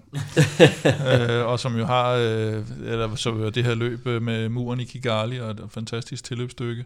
Mm. Men øh, han, var, han var smart, fordi han stak jo af for de her øh, udbrudskammerater på, øh, på opløbet, og øh, der var ikke rigtig nogen, der havde lyst til hverken... Øh, Warren Bagil, eller nogen, der havde lyst til, og Pierre Roland, de lå og, og legede kat og mus nede bagved, og så prøvede øh, Bargioli at, at køre efter. Mm. Og han var den eneste der forsøgte, og da han så slår ud, så sidder de stadigvæk. Altså, der er ikke, der er ikke engang nogen, der gider de er, de er, at De er seks mand, øh, der kommer til mål sammen, ja. og øh, det, det står ret klart sådan med, med tre kilometer igen, den her, den holder den hjem. Holder, ja. øh, og de kører egentlig fint sammen, mm. øh, og holder forspringet, og så kommer de ind til mål der, og så er det, han stikker af, Valentin Ferron, og der brokker du dig, Stefan, vi har lige set det afslutningen på etappen, der brokker du dig og sagde, øh, fordi de andre fem der, de sad bare og lurpassede. Ja, jeg synes, øh, altså, jeg ved, Bajoli, han ved vi, øh, Andrea Bajoli ved vi er hurtigt for quickstep, øh, og der er selvfølgelig meget ansvar, der ligger på ham. Jeg fatter ikke, hvorfor han ikke bare sidder og kigger sig over skulderen hele tiden, fordi at han sidder med en bunke bjergrytter, mm. øh, og øh, De, de angriber jo, altså det ved man jo. Altså øh, Roland, jeg forstår heller ikke, hvorfor Roland ikke angriber. Han begyndte at spurte, øh, da det stod klart, at Ferron havde vundet. Ja, jo, altså jeg mener, øh, kan du sige, Roland bliver to i spurten, så ligner det jo, at han kan spurte lige pludselig, men det kan han jo ikke. Nej. Altså, så det, det er mere det der med, det sidder nogle bjergrytter, man ved, de kommer til at angribe, øh, og så også øh, en situation, hvor at den mindst kendte rytter, mm. som ingen kigger på, det er ham, der får lov at køre, altså kan man sige, godsøjen får lov at køre, ikke? Mm. Øh, det var et velsejrende angreb, han kom med, smart, Ja, det var øh, og så var jeg overrasket over, at, at der er ingen, der reagerer på det, men Bajoli må af alle vide, at at, øh, at der er nogen, der angriber på et tidspunkt. Så jeg synes bare, det var sådan lidt en, øh, Og en Bajoli, ærgerlig... Bajoli er den eneste italiener i det her udbrud. Det er de fem andre. Det er franskmænd. To og tre bliver Pierre Roland og Van Barguil. Og måske de to, altså de er jo ikke specielt gode venner. Så det er ligesom om, at, at de måske ikke levner hinanden noget. Så der er, ikke nogen, der er ikke nogen af dem, der vil lukke hullet for den anden. Nej, det var klart. Det, det var kun Bargioli, der fik... Og, og meget ansvar ligger selvfølgelig også på ham, fordi han nok blev betragtet som den hurtigste, hvis, de, hvis de skulle hjem. Og, og som Stefan siger, han skulle måske have været mere vågen, da, da, da Ferron kører. Men de kan, altså, han kan jo heller ikke tage hele ansvaret, så er det klart, at de ikke henter ham. Fordi altså, så, så Ja, ja, kan ja, han jo dårligt nok nå op til ham, og så kan han jo ikke engang spurgt forbi ham, hvis uh, han skulle lukke det hul der. Og så havde Bargiel jo bare smuttet udenom til sidst. Ja, og ham her, Victor Lafay, som, øh, som også er, en, ja. Ja. er egentlig er en, en, en bjergrytter, men, øh, men også øh, forholdsvis hurtig. Altså, vi så ham jo, øh, han kørte jo nærmest lige op med Wout van Aert på den her øh, stigning, hvor at, øh, David Gody, han så lige kommer mm. forbi dem begge to til sidst, ikke? Men, øh, men, men altså er en, en rytter, som også er forholdsvis hurtig, øh, når de nærmer sig stregen. Mm. Øh, så, det, så det, det var altså lidt en af de der uheldige dage, men selvfølgelig også et stort gennembrud for Valentin ja. Ferron, som jo også tidligere blev øh, toer i, øh, i Paris Camembert senere, som, øh, mm. som Brian Holm jo vist også har vundet en gang. Det er så, rigtigt, det har øh, så faktisk det er jo et, et stort løb. Og hvor man får en kæmpe kammerbær for at vinde, faktisk. Ja, men så får man den vist ikke rigtig alligevel, og sådan noget. Er det ikke sådan? Altid. Løbet føres, resten af, af favoritterne, de kom ind sammen øh, de der 30 sekunder senere, som Kim mm. siger.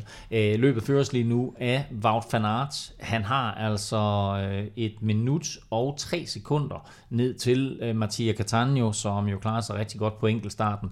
Yderligere tre sekunder, det vil sige et minut og seks foran sin holdkammerat øh, Primoz Roglic, så Ethan Hader. Han har den hvide ungdomstrøje og er 1,32 efter den gule førertrøje. Og så Jonas Vingegaard er 5'er, 1,36 efter. Det vil altså sige 30 sekunder efter øh, sin holdkammerat øh, Primoz Roglic. Det ligger altså tre der. Øh, Wout van Aert 1'er, øh, Roglic 3'er og Vingegaard 5'er. Øh, tre jumbo-ryttere, øh, som vi jo forventer også, at, at de er tre sikre på, øh, på, på turholdet her til sommer. Eller det er de tre sikre på turholdet ja. Her til sommer. Øh, umiddelbart ser det ud som om, at det, det, det bliver, bliver blandt de fem, at det kommer til at stå. Men altså, der er også en uh, Theo Gegan Hart, som ligger øh, syver, øh, og måske en, en vil kunne kælde, der Jeg man regner kan ikke med blande Ethan sig. Hader, han gør det så godt i bjergene i weekenden, vil jeg sige. Hvad for noget? Jeg regner ikke med, at Ethan, Ethan Hader, han øh, kommer med op over bjergene i weekenden. Det mener du ikke alligevel? Nej. Eller Catania. Så, øh, nej, Ah, så, Catania så, måske. så, så, så, har du 1, 2, 3, så bliver det Jumbo Vismo. Jumbo Vismo. Ah, lad os nu Jumbo se. Visma. 1, 1, 2, 3. Og lad, lad os endelig komme til det der ja. Ja. med, med de to sidste øh, etaper, fordi der resterer to etaper i Dauphiné. Øh, lørdag skal de ud på en etape, Kim, der er jo nærmest Er human. Ja, nærmest er human. den humane sidste weekend. Ej, den Nej, er en faktisk, etape, der minder meget om 12. etape i Tour de Ja, France. den er relativt inhuman sidste weekend faktisk i, nå. øh, i øh, Dauphiné. Øh, øh, hvad hedder det? Ja, minder om den korte etape, 134, vi var inde på den lidt sidste gang, det er den her, hvor de kører den, den forkerte vej op af Galibier, øh, og tager, øh, hvad hedder den, telegraf på nedkørslen, og så kører de over til Col de la Croix de Fer, og så øh, kunne man jo nemt, øh, hvis man havde lavet en øh, næsten omvendt, øh, hvad hedder den, øh, La Marmotte, så man kørt over til Alpe d'Huez, som man vil gøre i Tour de France. Det gør du, som, 12 12 øh, etape Tour og de så her, der slutter man så på den her Vaugeny, som er 6 km og 7 procent, øh, hård nok i sig selv, men stadigvæk ikke, øh, selvfølgelig ikke Alpe d'Huez. Og så kommer øh, afslutningen på kriteriet Dauphiné på søndag, og det er med en kort etape på bare 136 km, men den har altså et par giftige stigninger undervejs. Ja, det synes jeg, øh, Col de la Colombière, og så specielt den her afslutning på Plateau de Solasson, øh, 11 km med små 9% i snit, øh, og så øh, klart hårdest i starten, hvor den, øh, hvor den slet ikke, nærmest ikke kommer under, under 10%, så det, Det minder jo sådan om der- en, en, en lille Alpe. Ja, det kan man sige. En stor d'Huez øh, måske næsten, øh, faktisk. nej, Hvad? Kort, Nej. kort, kortere, men, kortere, men, men, men nogenlunde bygget på samme måde. Hvad? Ja, små 9% i snit. Nej, det var en intern. Hvad hedder det? Jeg forstår øh, den ikke. Nej, det er fint. Det skal, du heller ikke. det skal du heller ikke. Nej, nej, nej, nej. Det var ikke det, der var det interne. Lige måde. Men, øh, det kan ikke, vi kan ikke bare snyde lytterne på den måde. Hvad, hvad, Nå, hvad er det- joken? Tag det pis på mig. det er for, nej, nej, nej, nej. Men øh, Algiers, er den ikke 13? Er den ikke 13,9? Hvad gør vi her? Nå, det er Stefan og mig, der har en intern. Det, du er slet ikke med i den. Det er er slet ikke med. Nå, det er vores lyttere heller ikke. Jeg Nej, nej, nej, nej. Ja, jeg forklarer en dag, så bare spørg mig. Okay, så.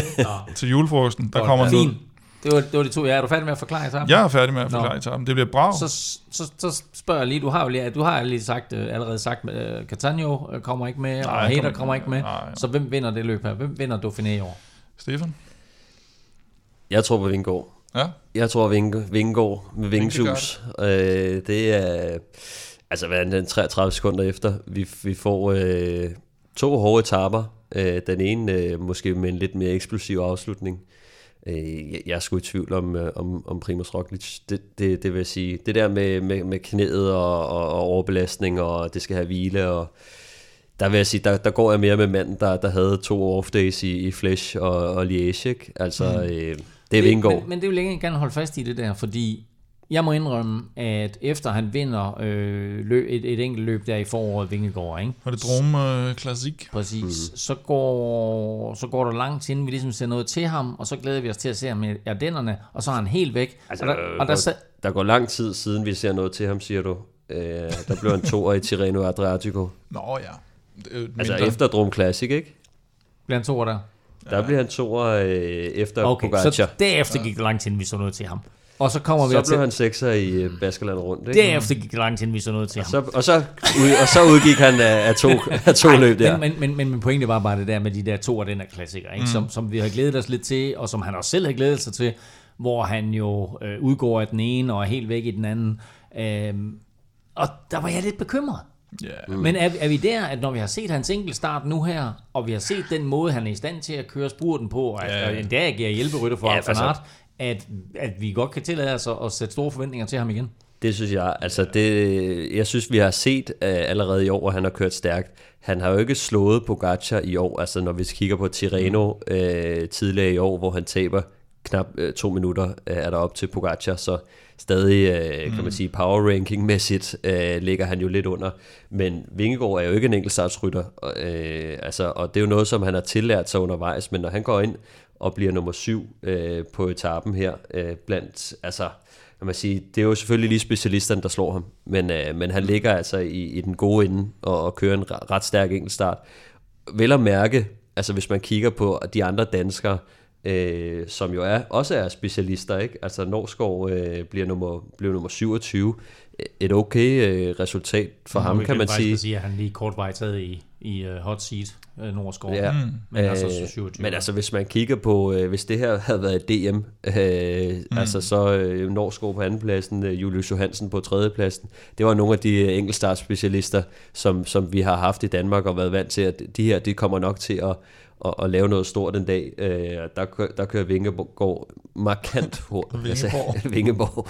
øh, der kører han markant hurtigere, og, og vel at mærke, altså, han kører hurtigt i et terræn, der, der ikke passer til ham, i en disciplin, som han for nyligt, kan man sige, har, har tillært sig, øh, selvfølgelig også igennem alt det arbejde, som de laver på Jumbo Visma, øh, men, men altså, det siger bare noget om niveauet, altså at, at han kører rigtig, rigtig stærkt øh, Ja, på, det- på flad vej. Men det der med, med, med ardennerne, og man skal være rolig, altså, det var så, det var så tydeligt jo der, Ja. at det var, altså det var ikke sådan noget med, at han sad sådan med de 10-15 sidste, og så lige pludselig kæmpede med nogen, som man normalt kæmper med, og så kunne han ikke følge med. Altså det var sådan noget med, at han blev sat, da der var 120 tilbage i feltet Ja, nærmest. sat eller første gang op Altså. af, hvad hedder den, i Flesh Vallon, ikke? I, Øh, med, mod med muren. mod Øh, som jo, altså det, det var helt off. Og det er jo bedre, synes jeg. Altså det man kan sige, nederlaget der var voldsomt, men det viser jo også bare, at der var et eller andet helt, ja. helt galt, som, som, øh, som kan rettes op på, eller som skyldes noget sygdom, eller, eller et eller andet, øh, der var helt, helt tosset der. Ikke? Vi håber da bare på, at det er en, en super weekend her for, for Jonas, og eventuelt en sejr. Er du enig, Kim? Nå. jo, jeg synes egentlig også, han, øh, men jeg, jeg, jeg, jeg tænker lidt, øh, at det bliver sjovt at se, hvor lang tid Wout van Aert han gider at kæmpe for den gule førertrøje der. Og at han øh, måske godt kan kæmpe øh, relativt. Jeg synes, der var et spørgsmål til ham en eller anden dag, øh, var det sejrsinterviewet i går måske, hvor det var sådan noget med, ah, men jeg regner der med at miste, øh, tror jeg, men nu må vi se. og det, når han siger sådan noget, så... Ej, jeg vil sige, okay, det kan godt være, at han vandt bjergetappen der i, i turen ja. sidste år, men, men den der stigning, Solersong, øh, finale stigningen. Jeg tør bare ikke at udelukke ham. Altså 9 procent. Ja, ja. Altså det, det er lidt noget andet. Altså med den vægt, han har, og de procenter, der, der, der, der, der er det umuligt. Det vil jeg gerne sige ja. allerede nu. Et minut til Roglic, halvanden minut til Jonas Vingegaard. Ja. Og du har kaldt den Stefan. Roglic bliver det ikke, så det bliver enten Vingegaard eller Wout van Aert. vi, uh, vi, vi glæder, jeg kan sige ja. det på den her måde, Kim. Stefan og jeg, vi glæder os meget til at høre podcasten på onsdag. Ja, det gør vi. Okay. Med hvem der har vundet? Ja. Okay. Så, fordi der, der, er du, der er du som sagt alene. Så. Ja, vi tager kun Tour de France, det, hvis det, ikke det er min mand, der har vundet. Okay, ja, fint. Nå. Dauphiné slutter søndag. Det er samme dag, som det andet store opvarmningsløb til Tour de France går i gang. Vil Europa Podcast præsenteres i samarbejde med Odset fra Danske Licensspil. Vi glæder os til sommer og Tour de France på dansk jord, hvor Odset er stolt sponsor af Grand Depart Danmark. Følg med på Odsets hjemmeside eller i appen. Husk, at du skal være minimum 18 år og spille med omtanke. Har du brug for hjælp til spilafhængighed, så kontakt Spillemyndighedens hjælpelinje Stop Spillet eller udluk dig via Rufus. Regler og vilkår gælder. Odset for Danske Spil er med som partner igen på Velropa Podcast, og du kan hver uge finde de klassiske Velropa Specials på Odset.dk, Stefans Staltip, Plesners Podie og Velropas vinder. Gennem hele juni og Tour de France, der kan du spille med i Odset-quizzen og vinde 200 kroner til din blå konto på Odset.dk. Du får fem udsagn og skal ganske enkelt forudsige, hvilke af de fem udsagn, der går hjem. Du finder konkurrencen på vores Facebook-side, facebook.com-velropa. Der ligger allerede en quiz klar til dig for Schweiz rundt på Facebook, så tjek den ud og kom med dit bud inden løbet går i gang søndag kl. 13. Der er kun tre krav for at være med. Du skal være mindst 18, du skal bo i Danmark, og så skal du have en blå konto hos Odset for at kunne modtage din præmie, hvis du vinder. Vi skal tale Schweiz rundt, der begynder på søndag og er på 8 etaper, altså dermed slutter næste søndag. Øhm, det er jo egentlig sådan sit helt eget World Tour løb, men slutter kun 12 dage før den her store berømte rundtur i Danmark og Frankrig, så det fungerer naturligvis som øh, opvarmning til øh, Tour de France også. Øh, Schweiz rundt har været kørt 84 gange før. Sidste år var det Richard Carapaz, der vandt løbet foran Rigoberto Uran, Uran, Uran, Uran. Men øh, med, med danske Jakob Fuglsang jo på tredjepladsen. Mm. Øh, han er med igen i år. Hvordan passer løbet til ham?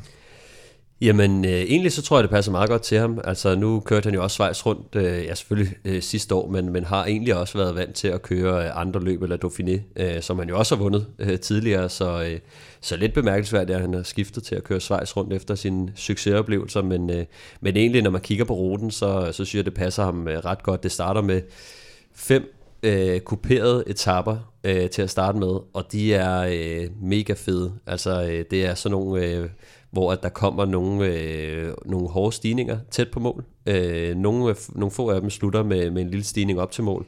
Men, øh, men det er alle sammen sådan nogle, hvor man sidder og kigger på dem og tænker, at det ligner sådan en klassiker, altså, øh, hvor man ikke rigtig, man kan ikke, sgu ikke rigtig sige, altså øh, mm. noget af det kunne minde lidt om sådan, altså konceptet med Milano Sanremo, ikke? Og, og noget af det øh, lidt, lidt, lidt hårdere, men der er kun en etape, tror jeg, det er fjerde etape, hvor at, øh, hvor at, øh, kan man sige, finalen, der kommer to kategori 3 stigninger, øh, øh så, så, er det, så, så er der 10-14 km eller sådan noget til mål.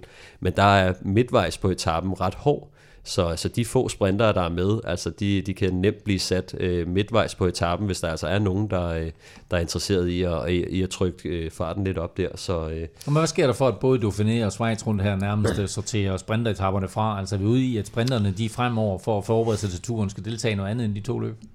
Ja, det ligger jo mere til, altså man kan sige, det er jo også det er jo det terræn, det også bliver kørt i. Altså hvis du ser helt geografisk på det, ikke? At, at, at de områder, de kører i, det er sgu lidt svært at finde øh, de helt flade etapper. Plus at, at de arrangører af det øh, måske også vægter, eller det gør de jo det her med at, at designe de her etapper, der, der kan skabe noget spænding, og, og ikke bare af den der venten på, på en sprint. Mm-hmm. Det må de gøre nogle andre steder. Og jeg synes, at Dauphiné har været et fantastisk eksempel på det her med, fordi det er jo ikke sådan, at, at det har været udelukket at det blev en nogenlunde sprinter-etappe, i hvert fald med de, med, de, med de mest holdbare sprinter. Og det her med, at du designer ruten sådan, at du til sidst sidder og ved ikke, hvad fanden bliver det en spurt, bliver det udbrud, er der en, der kører for udbrud, eller hvor, og hvad med, er der også nogen, hvad, og hvad for, no, ja, hvad for nogle af sprinterne kommer med, og sådan noget, så du mm. har ret mange løb i løbet og, og spænding til det sidste. Det er jo meget mere interessant at sidde og kigge på, for de fleste formentlig på nær en uh, typer som Valverde og sådan noget, end, end Flash Vallon, mm-hmm. som, er, som jeg synes er det værste eksempel på rutedesign, og, og hvor jeg tænker, at de, de måske bliver nødt til at gøre noget, og det bliver så lidt svært, fordi den er jo bare simpelthen øh, øh, traditionelt klistret op på den her øh, Modi Hui. Mm. Så, øh, så der ved du bare, jamen det er waiting game, og så, øh, så sidder man og venter på, at øh, Valverde og Alaphilippe og sådan nogle typer der, de skal sidde og køre om mm. det på, på toppen der, ikke? Så, så det, det, det kunne være interessant, om de turde gøre noget, ligesom Amstel øh, flyttede. Først havde de kavbærstigning ja, ja. til sidst, så flyttede de den væk igen og så øh, blev det egentlig meget mere sjovt og, og, og, og ja, uforudsigeligt. Ja, uforudsigeligt, hvem der, ja. hvem der vandt, når de ikke sluttede på toppen. Og det er altså de, de første fem etaper her i Schweiz rundt, som nærmest er bygget på den måde der, hvor der sådan, at der er intet, vi kan forudsige på, på forhånd. Til gengæld, Stefan, så 6. og 7. etape, det er sådan mere traditionelle bjergetapper. Ja, det skal jeg lige love for. Der er, øh, altså det, det, det er kun for, for de rene klatrere. Der er rigtig mange højdemeter på, og de kommer også over øh, nogle af Schweiz's øh, højeste tinder, i hvert fald asfalteret øh, bjerge. Jeg tror, det er, er det Nyfynen Pass, hedder den, øh, den der er den, den, den højeste af dem. Øhm, der er kun to bjerge på, henholdsvis på hver, men det er nogle ordentlige egner, øh, skulle jeg helst sige. Altså, det er sådan nogle øh, nærmest plus 20 km og, og forholdsvis øh, gode procenter på, så, så der, bliver, øh, der bliver nok øh, rig mulighed for at, for at for, for noget drama og nogle angreb øh, undervejs på de etapper. Og så slutter, øh, så slutter løbet af med en 25 km lang enkeltstart i sådan forholdsvis øh, let øh, rullende terræn. Øh, så, så også en, øh, en god mulighed for at strække benene og prøve sig lidt af i forhold til øh, de, de også forholdsvis lange enkeltstarter, der er i, i Tour de France i år. Nu talte du lidt om, øh, om Jakob Fuglsanger. Han har tidligere vundet Dauphiné, og han har været på podiet tre gange i Schweiz rundt. Et, hvordan har du det sådan med, at, at Dauphiné slutter tre uger før turen, og Schweiz rundt slutter ja, kun 12 dage før turen? Øh, hvad, hvad vil du helst som rytter der, altså sådan i forhold til at time en form? Det er et godt spørgsmål. Øh, jeg tror, jeg vil nok foretrække at køre mere løb op til Altså øh, i stedet for de tre uger der, fordi så, skal, så er man sgu nødsaget til at gå ud og træne et eller andet. Men det er for kort tid til at tage på højdetræningslejr og sådan noget, ikke? Så, så det er jo noget med at, at, at komme hjem og så, så køre noget rigtig øh, intensivt. Øh, og det synes jeg bare, at det giver ofte bedre mening i cykelløb, fordi man, man får sgu man, man, man kan give sig lidt mere i cykelløb. Øh, det, det er nogle gange lidt øh, bedre træning, øh, med mindre man har sådan et meget specifikt træningsprogram, som, øh, og det ved vi jo med, med, eller det ved jeg i hvert fald med, med, med Sky, eller øh, hvad hedder det, Ineos, ja at øh, de, de har altid haft de her meget specifikke træningsprogrammer, som var vigtige at holde sig til og sådan noget, og, og har måske kørt lidt færre løb øh, per, per rytter. Ikke? Øh, jeg har nok foretrækket øh, cykelløbet og, og måske køre svejs rundt, fordi man ved, at der, der, der er sgu ikke så meget øh, arbejde tilbage, når man, når man kommer hjem. Øh, det, det der med Dauphiné og tre uger, så nu er favoritterne ja. jo meget som, hvad skal vi sige, altså de store klassementsfavoritter, de er jo så meget pænt fordelt på kriterier, om du, du finerer så mm. Schweiz rundt, men jeg synes, det er ligesom om, at der kommer mere og mere fokus på, på, på Schweiz rundt her i, i de senere år. Altså før der betragter vi vel altid øh, Dauphiné som det store opvarmningsløb. Mm. Jeg synes, det har, det har skiftet meget af sådan forskellige årsager. Der har også været nogle gange, så har, så har Schweiz jo også... Øh, været nødsaget til at, at, at designe deres rute lidt for nogle hjemmefavoritter, som for eksempel øh, Cancellata, så han havde en mulighed. Så var der et år, hvor Jan Ulrik lige pludselig skulle køre Schweiz rundt, og så, var det, så skulle det helst designes lidt til ham. Øh, så øh, så, så det, det har sådan svinget lidt, synes jeg, og, og hvordan de har, øh, her på det sidste, har, har Dauphiné jo meget lænt sig op af Tour de France, for eksempel, og, og prøvet at lave de her kopier af etaper, Øh, så jeg, som, som jeg husker det, så, så har det svinget. Så er der lige nogle år, mm. hvor det er det. Og i år har vi jo så Pogacar, der kører Slovenien rundt. så han er, så han er slet ikke med i nogen af dem. Ikke? Så, så det, ja, det er lidt specielt. Og, og Quintana, han kom jo aldrig til, til noget af det. Han, han var bare hjemme i Colombia. Så altså øh, ingen Pogacar, men hvis vi sådan kigger på øh, de, de store favoritter i klassementet, Stefan, hvem skal vi så holde øje med? Jamen, øh, der er mange, øh, men altså jeg tror, at først og fremmest, så synes jeg, at hvis man kigger på, på Ineos-holdet, så, så stiller de op med, med nogle rigtig stærke drenge. Det er jo Adam Yates, som øh, er deres, øh, i hvert fald er, øh, den erklærede kaptajn, som de sagde øh, fra starten af året. Så har de Danny Martinez med, som jo også har været den der, kunne han i virkeligheden være den rigtige kaptajn. Øh, og så er der Geraint Thomas, som Altså, Som jeg han, tror er første gang, vi nævner ham i podcasten i år. Ja, altså jeg, tror, altså, jeg vil sige, det er jo ikke fordi, han har vist, at øh, han er Tour de France øh, vinder øh, form, men, mm. øh, men han er alligevel en rytter, som, altså, øh, som, som har vist, at altså, han, øh, han har været lidt nede og skrabe, men, øh, men, men, men har alligevel vist lidt form i år, synes jeg, øh, mere i sådan nogle hjælperoller, ikke? Altså, at have ham som tredje kort, det er, det er okay. Det, det er nok ikke så skidt. Øh, ellers så er der også en øh, Remco Evenepoel, som jo så super skarp ud øh, oppe i Tour of Norway. Mikkel Lander er også til start oven på sin gode Giro og, podieplads. Fuglsang selvfølgelig, som også kom med den her sejr i det lille franske bjergløb, meget imponerende. Og så har vi altså Alexander Flasov, der, der også senest vandt uh, Romandiet rundt, så, så det er nok de, de allerstørste navne.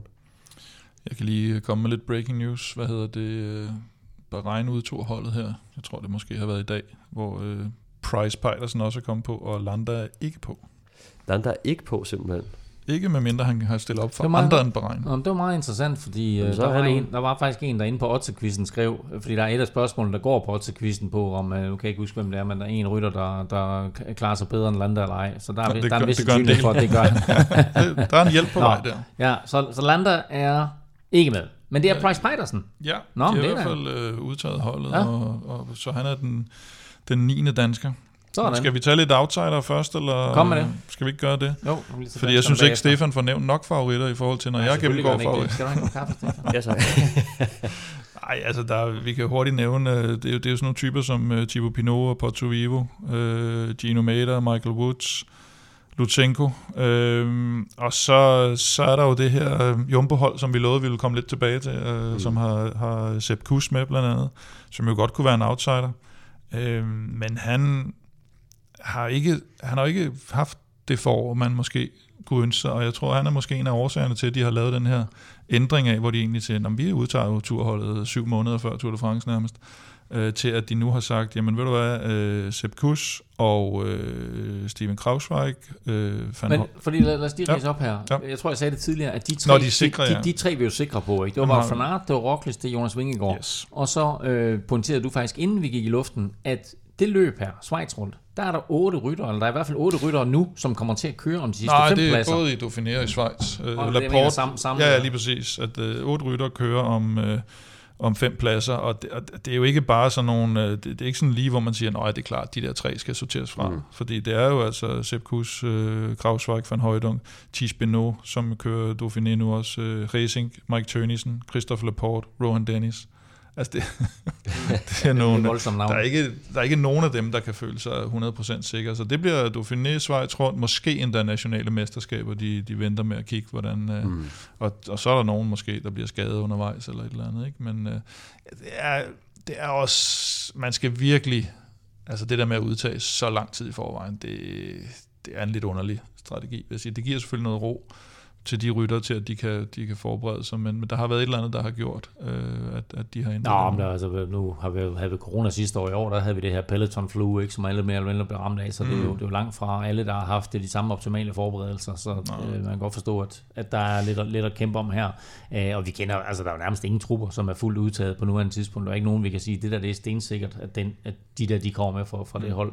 Så øh, interessant altså at se her med, med Jumbo Visma, hvem der kommer til at være øh, de fem rytter, der får de sidste fem pladser.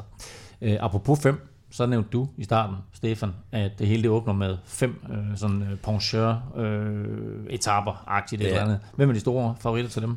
Ja, men det er også en af grundene til, at jeg synes, de, de, de første fem etaper ser fede ud, er, at vi har store stjerner til start, og også de her øh, lidt sjove puncher-typer, øh, som jo blandt andet er Mark Hirschi, øh, som jo kommer fra, fra, fra Schweiz selv, øh, Alex Aramburu fra, fra Movistar holdet. Ja, de har også, har de måske, jeg tror ikke, de har udtaget holdet helt, men uh, Garcia, uh, Ivan Garcia måske også med, han kunne også godt være. Jo, uh, de, uh, de har udtaget holdet, og han er, han er også på uh, ja. der, så, uh, så, så, så uh, ja, og Benoit Cosnefroy uh, kommer også med, og også en af de her, kan vi sige, nyere, virkelig, virkelig dygtige punchers, uh, som, som har trådt uh, meget i karakter. Michael Matthews uh, kommer også, og øh, skal nok prøve at hente et på point til et, øh, et, et hårdt trængende hold. Øh, men øh, ja, så øh, Anthony Totti øh, kan vi måske også lige nævne, øh, også lidt af et festfyrværkeri en gang imellem, men, øh, men ja, det er nogle fede øh, punchør-typer er med, og så selvfølgelig øh, blandet med, med klassementsrytterne, og ja, jeg tror ikke, vi kommer til at se så mange af de hurtige folk. Nej, der er, hvis, hvis, hvis, hvis man skal kigge på nogle sprinter, så er det sådan nogen som Christoph Sagan, mm. Patrick Bevin, Ethan Vernon, Gaviria. Jeg har også taget Jake Stewart med måske, altså netop i ja, det her med, at du skal, du skal kunne lidt mere, øh, du skal være lidt mere holdbar. David Simolai, øh, Brian Kokar på de gode dage, ikke? Øh, så har vi øh, både Matthews og Caden Groves med for Bike Exchange, Niki Asant måske, Stefano Oldani, som vi jo så i, i Giroen. Ja, øh, bestemt. hurtig Det kunne øh, være, og, og, og lidt holdbar, ikke? Ja. Men, men de der rene sådan Cavendish øh, sprinter, det, det er nok Det- øh, det er ikke der. De får det svært. Ja. Til gengæld så har I nævnt både Fuglsang og øh, Price Petersen. Øh, og du, så, Peitersen. så sagde du lige, at der, der- der kom øh, ni danskere med. Hvem- indtil hvem- hvem er de videre syv? på, øh, det er Kasper Askren, hvis du har hørt om ham. Jeg har hørt om ham, jeg mindes. Michael Valgren øh, er også øh, umiddelbart øh, på startlisten. Øh, Vandal, Frederik Vandal, Ja, som jo øh, egentlig har fået lov at køre nogle, øh, nogle ret, ret store løb, altså hvor, hvor, øh, hvor Bore her med, med Vlasov, der skal, der skal forsøge at gøre, gøre sig gældende mm. og har kørt en fantastisk sæson. Alexander Kamp er med igen efter, øh, han må næsten have haft lidt pause nu, ikke? Han har, jeg har også set lidt billeder fra nogle træningslejre. Ja, højt, ja. øh, Han er så han er klar igen. igen efter, efter et godt øh, sådan midter, midterforår. Øhm, Søren Krav og Kasper P. hos, øh, hos DSM. Og øh, ja, Fuglsang har vi haft. Andreas Kron, øh, måske lidt interessant. Det har været sådan lidt en øh, gode placeringer, men ikke helt op i top sæson fra ham indtil videre, ikke? Jo, altså, men vi, vi ved jo også, at han havde jo øh, det her, øh, hvad hedder det, styrt, hvor han, altså han, han havde det her knæ, øh, hvad hedder det, mm. han, øh, han rev knæet op, er og, og rigtigt, så ja. styrte han igen på den, og du ved, så han havde lige et par uheldige episoder, hvor han lige blev, blev slået lidt, øh, men, øh, men jo, altså han kørte jo godt i, øh, hvad søren hed det, øh, hvor han kørte, øh, var det ikke Dunkirk, hvor han kørte for, øh, for Gilbert, ikke? Jo. øh, hvor, hvor han vandt nogle etapper der. Der så han godt kørende ud, og øh, så han efterfølgende øh, altså, kørt nogle, nogle rimelig gode øh, resultater hjem, men, men, ikke, øh, men ikke helt i top. Mm. vi Nej, har, det er jo klart, vi vi har et par, par rimelig spændende rytter med. Altså, Ja, men det var... Det Kan vi sætte næsen op så, efter en etappesejr?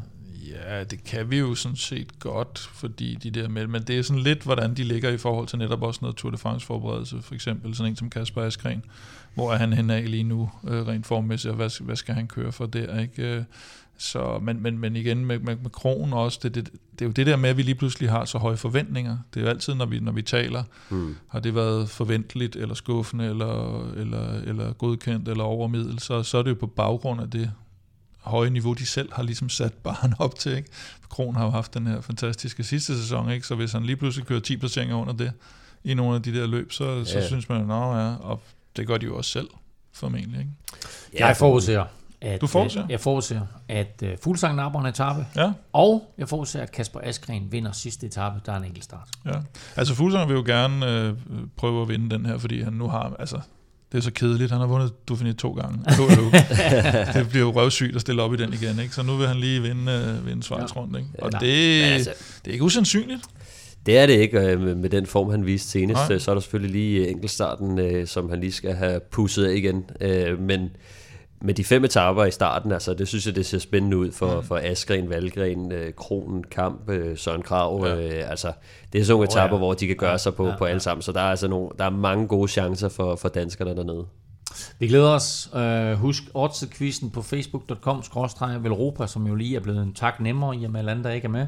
Og så kan du altså som altid finde odds på både Kriterium de Dauphiné og Schweiz rundt på oddset. Men nu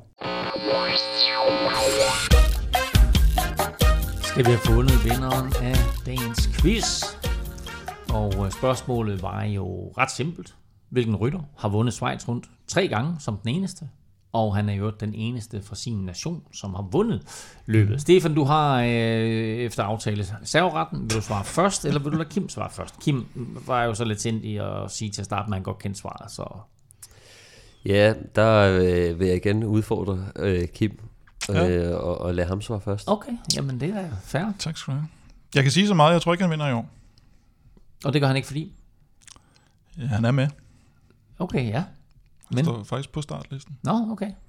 Han hedder Rui Costa. Ja, Det, det, det, det er et ekstremt godt bud. Stefan, har du et andet bud? Ja, jeg er faktisk ikke sikker på. Jeg havde nok ikke uh, hævet Rui Costa op af hatten, faktisk. Uh, jeg sad også og tænkte på Simon Spilak. Uh, Det Biler. tænkte jeg faktisk også. Han har vundet to gange, men Men- ikke i træk. Nå, okay, for jeg var i tvivl om det var Romandiet, eller om det var Schweiz rundt. Ja. Uh, men han er jo også fra Slovenien, og jeg tror ikke uh, Roglic eller uh, Det var rigtig godt Pogacar. Men, men jeg kan lige så godt stoppe dig der og så sige, at det er fuldstændig korrekt. Rui Costa er det rigtige svar. Og så må jeg spørge dig, Kim, hvor, hvorfor var du så sikker i din sag? Det var fordi, jeg vidste det.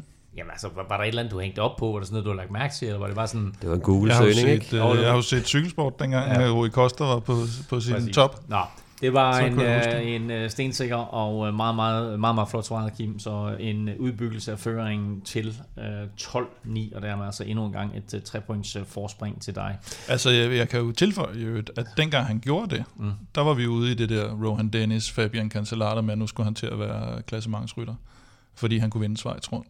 Øh, og det, det blev det så heller ikke til. Altså, jeg vil sige, alle dem, man Det har... blev det heller ikke til. Nej, det blev til et VM, men Nå, nej, nej, nej, men mere det her, den her transformation af Ja. ja. rytter. Der er, vi har talt om relativt mange, har man nærmest også haft øh, Tony Martin op at vende på et tidspunkt, ikke? Øh, som, som ikke, altså der er flere, der ikke bliver til noget mm. i forhold til dem, øh, man eller regner bliver, med. bliver til klassementsrytter. Hvor Wout van Vi Aert hører, jo vi er hører egentlig, mange, der prøver øh, transformationen, men det er få, det lykkes for. Ja. Det er Nej, jo men også det- bare nej, fordi, jeg at tror, folk, det- der, folk er så fixeret på, at det ultimative, det Ja, er øh, at, at stå med den gule trøje i Paris. Det er ikke nødvendigvis deres Og ambition. det, det, det, det, det, det, det, det er bare lidt uenig i. Altså Ja. med, og det har vi også hørt fra, øh, altså fra, fra, fra er det Wout van Aert og Van der Poel. Altså, de, mm. de har ingen ambitioner om at, at prøve det. I Nej, hvert fald ikke, som det ser ud nu. Nej. Altså, og, Det er og også der for sådan svært lidt- jo ikke, altså, at skutere. Ah, det altså, jo, et, et, et er at stå med den i Paris, når andet er at køre rundt i den, ikke? Altså, der kunne du godt se jo- Van, Van der Pools glæde ja, sidste år, ikke? Jo, jo, jo, jo. Men altså, der, er- der, der, der er langt, lang vej. Altså, Ja, ja, ja. ja. det er jo samme... Ej, okay. Ej, ikke bedt Nå, men prøv at quizzen er overstået. Du vandt, Kim. Ikke? Så, Nå, så point til dig der, men altså, som så- sagt, så en, en, så en, på- en, en føring på 12-9. 12-12 med skældmose. Ja, 12-12 med skældmose. Nå, Vel Europa Podcast er tilbage onsdag, og det bliver altså uden mig, og det bliver uden Stefan. Til gengæld så laver Kim jo altså den traditionelle Tour de France rute special med Kasper Ankergaard. Det kan du godt glæde dig til. Tjek Velropa shoppen ud på velropa.dk og se, om der er en Grand Depart t-shirt eller hoodie, som du synes om. Og hvis du vil vinde Velropa Cup eller nogen af de mange præmier, vi lancerer her op mod og under Tour de France, så op ind og støt os på tier.dk. Og ved du ikke helt, hvad du skal lytte til nu, må jeg så anbefale podcasten NFL-showet, hvor undertegnet sammen med Thomas Kvartrup i tirsdags lavede off-season karakterer til de 16 NFC-hold. Indtil vi høres ved, der kan du følge Kim og Velropa på Twitter. Det sker på Snablag Velropa. Stefan 2000 finder du på Snablag Stefan Djurhus, og undertegnet finder du på Twitter, Insta og Facebook på Snablag NF Elming. Tak for nu. Tak fordi du lyttede med. Tak til vores støtter på tier.dk. Uden jer, ingen Velropa podcast. Og naturligvis tak til vores partnere Hello Fresh og Odset. Støt dem, de støtter os på genhør. I, nå nej, det er kun dig, Kim øh, på genhør om halvanden uge fra Stefan, undertegnet og Kim Plesner.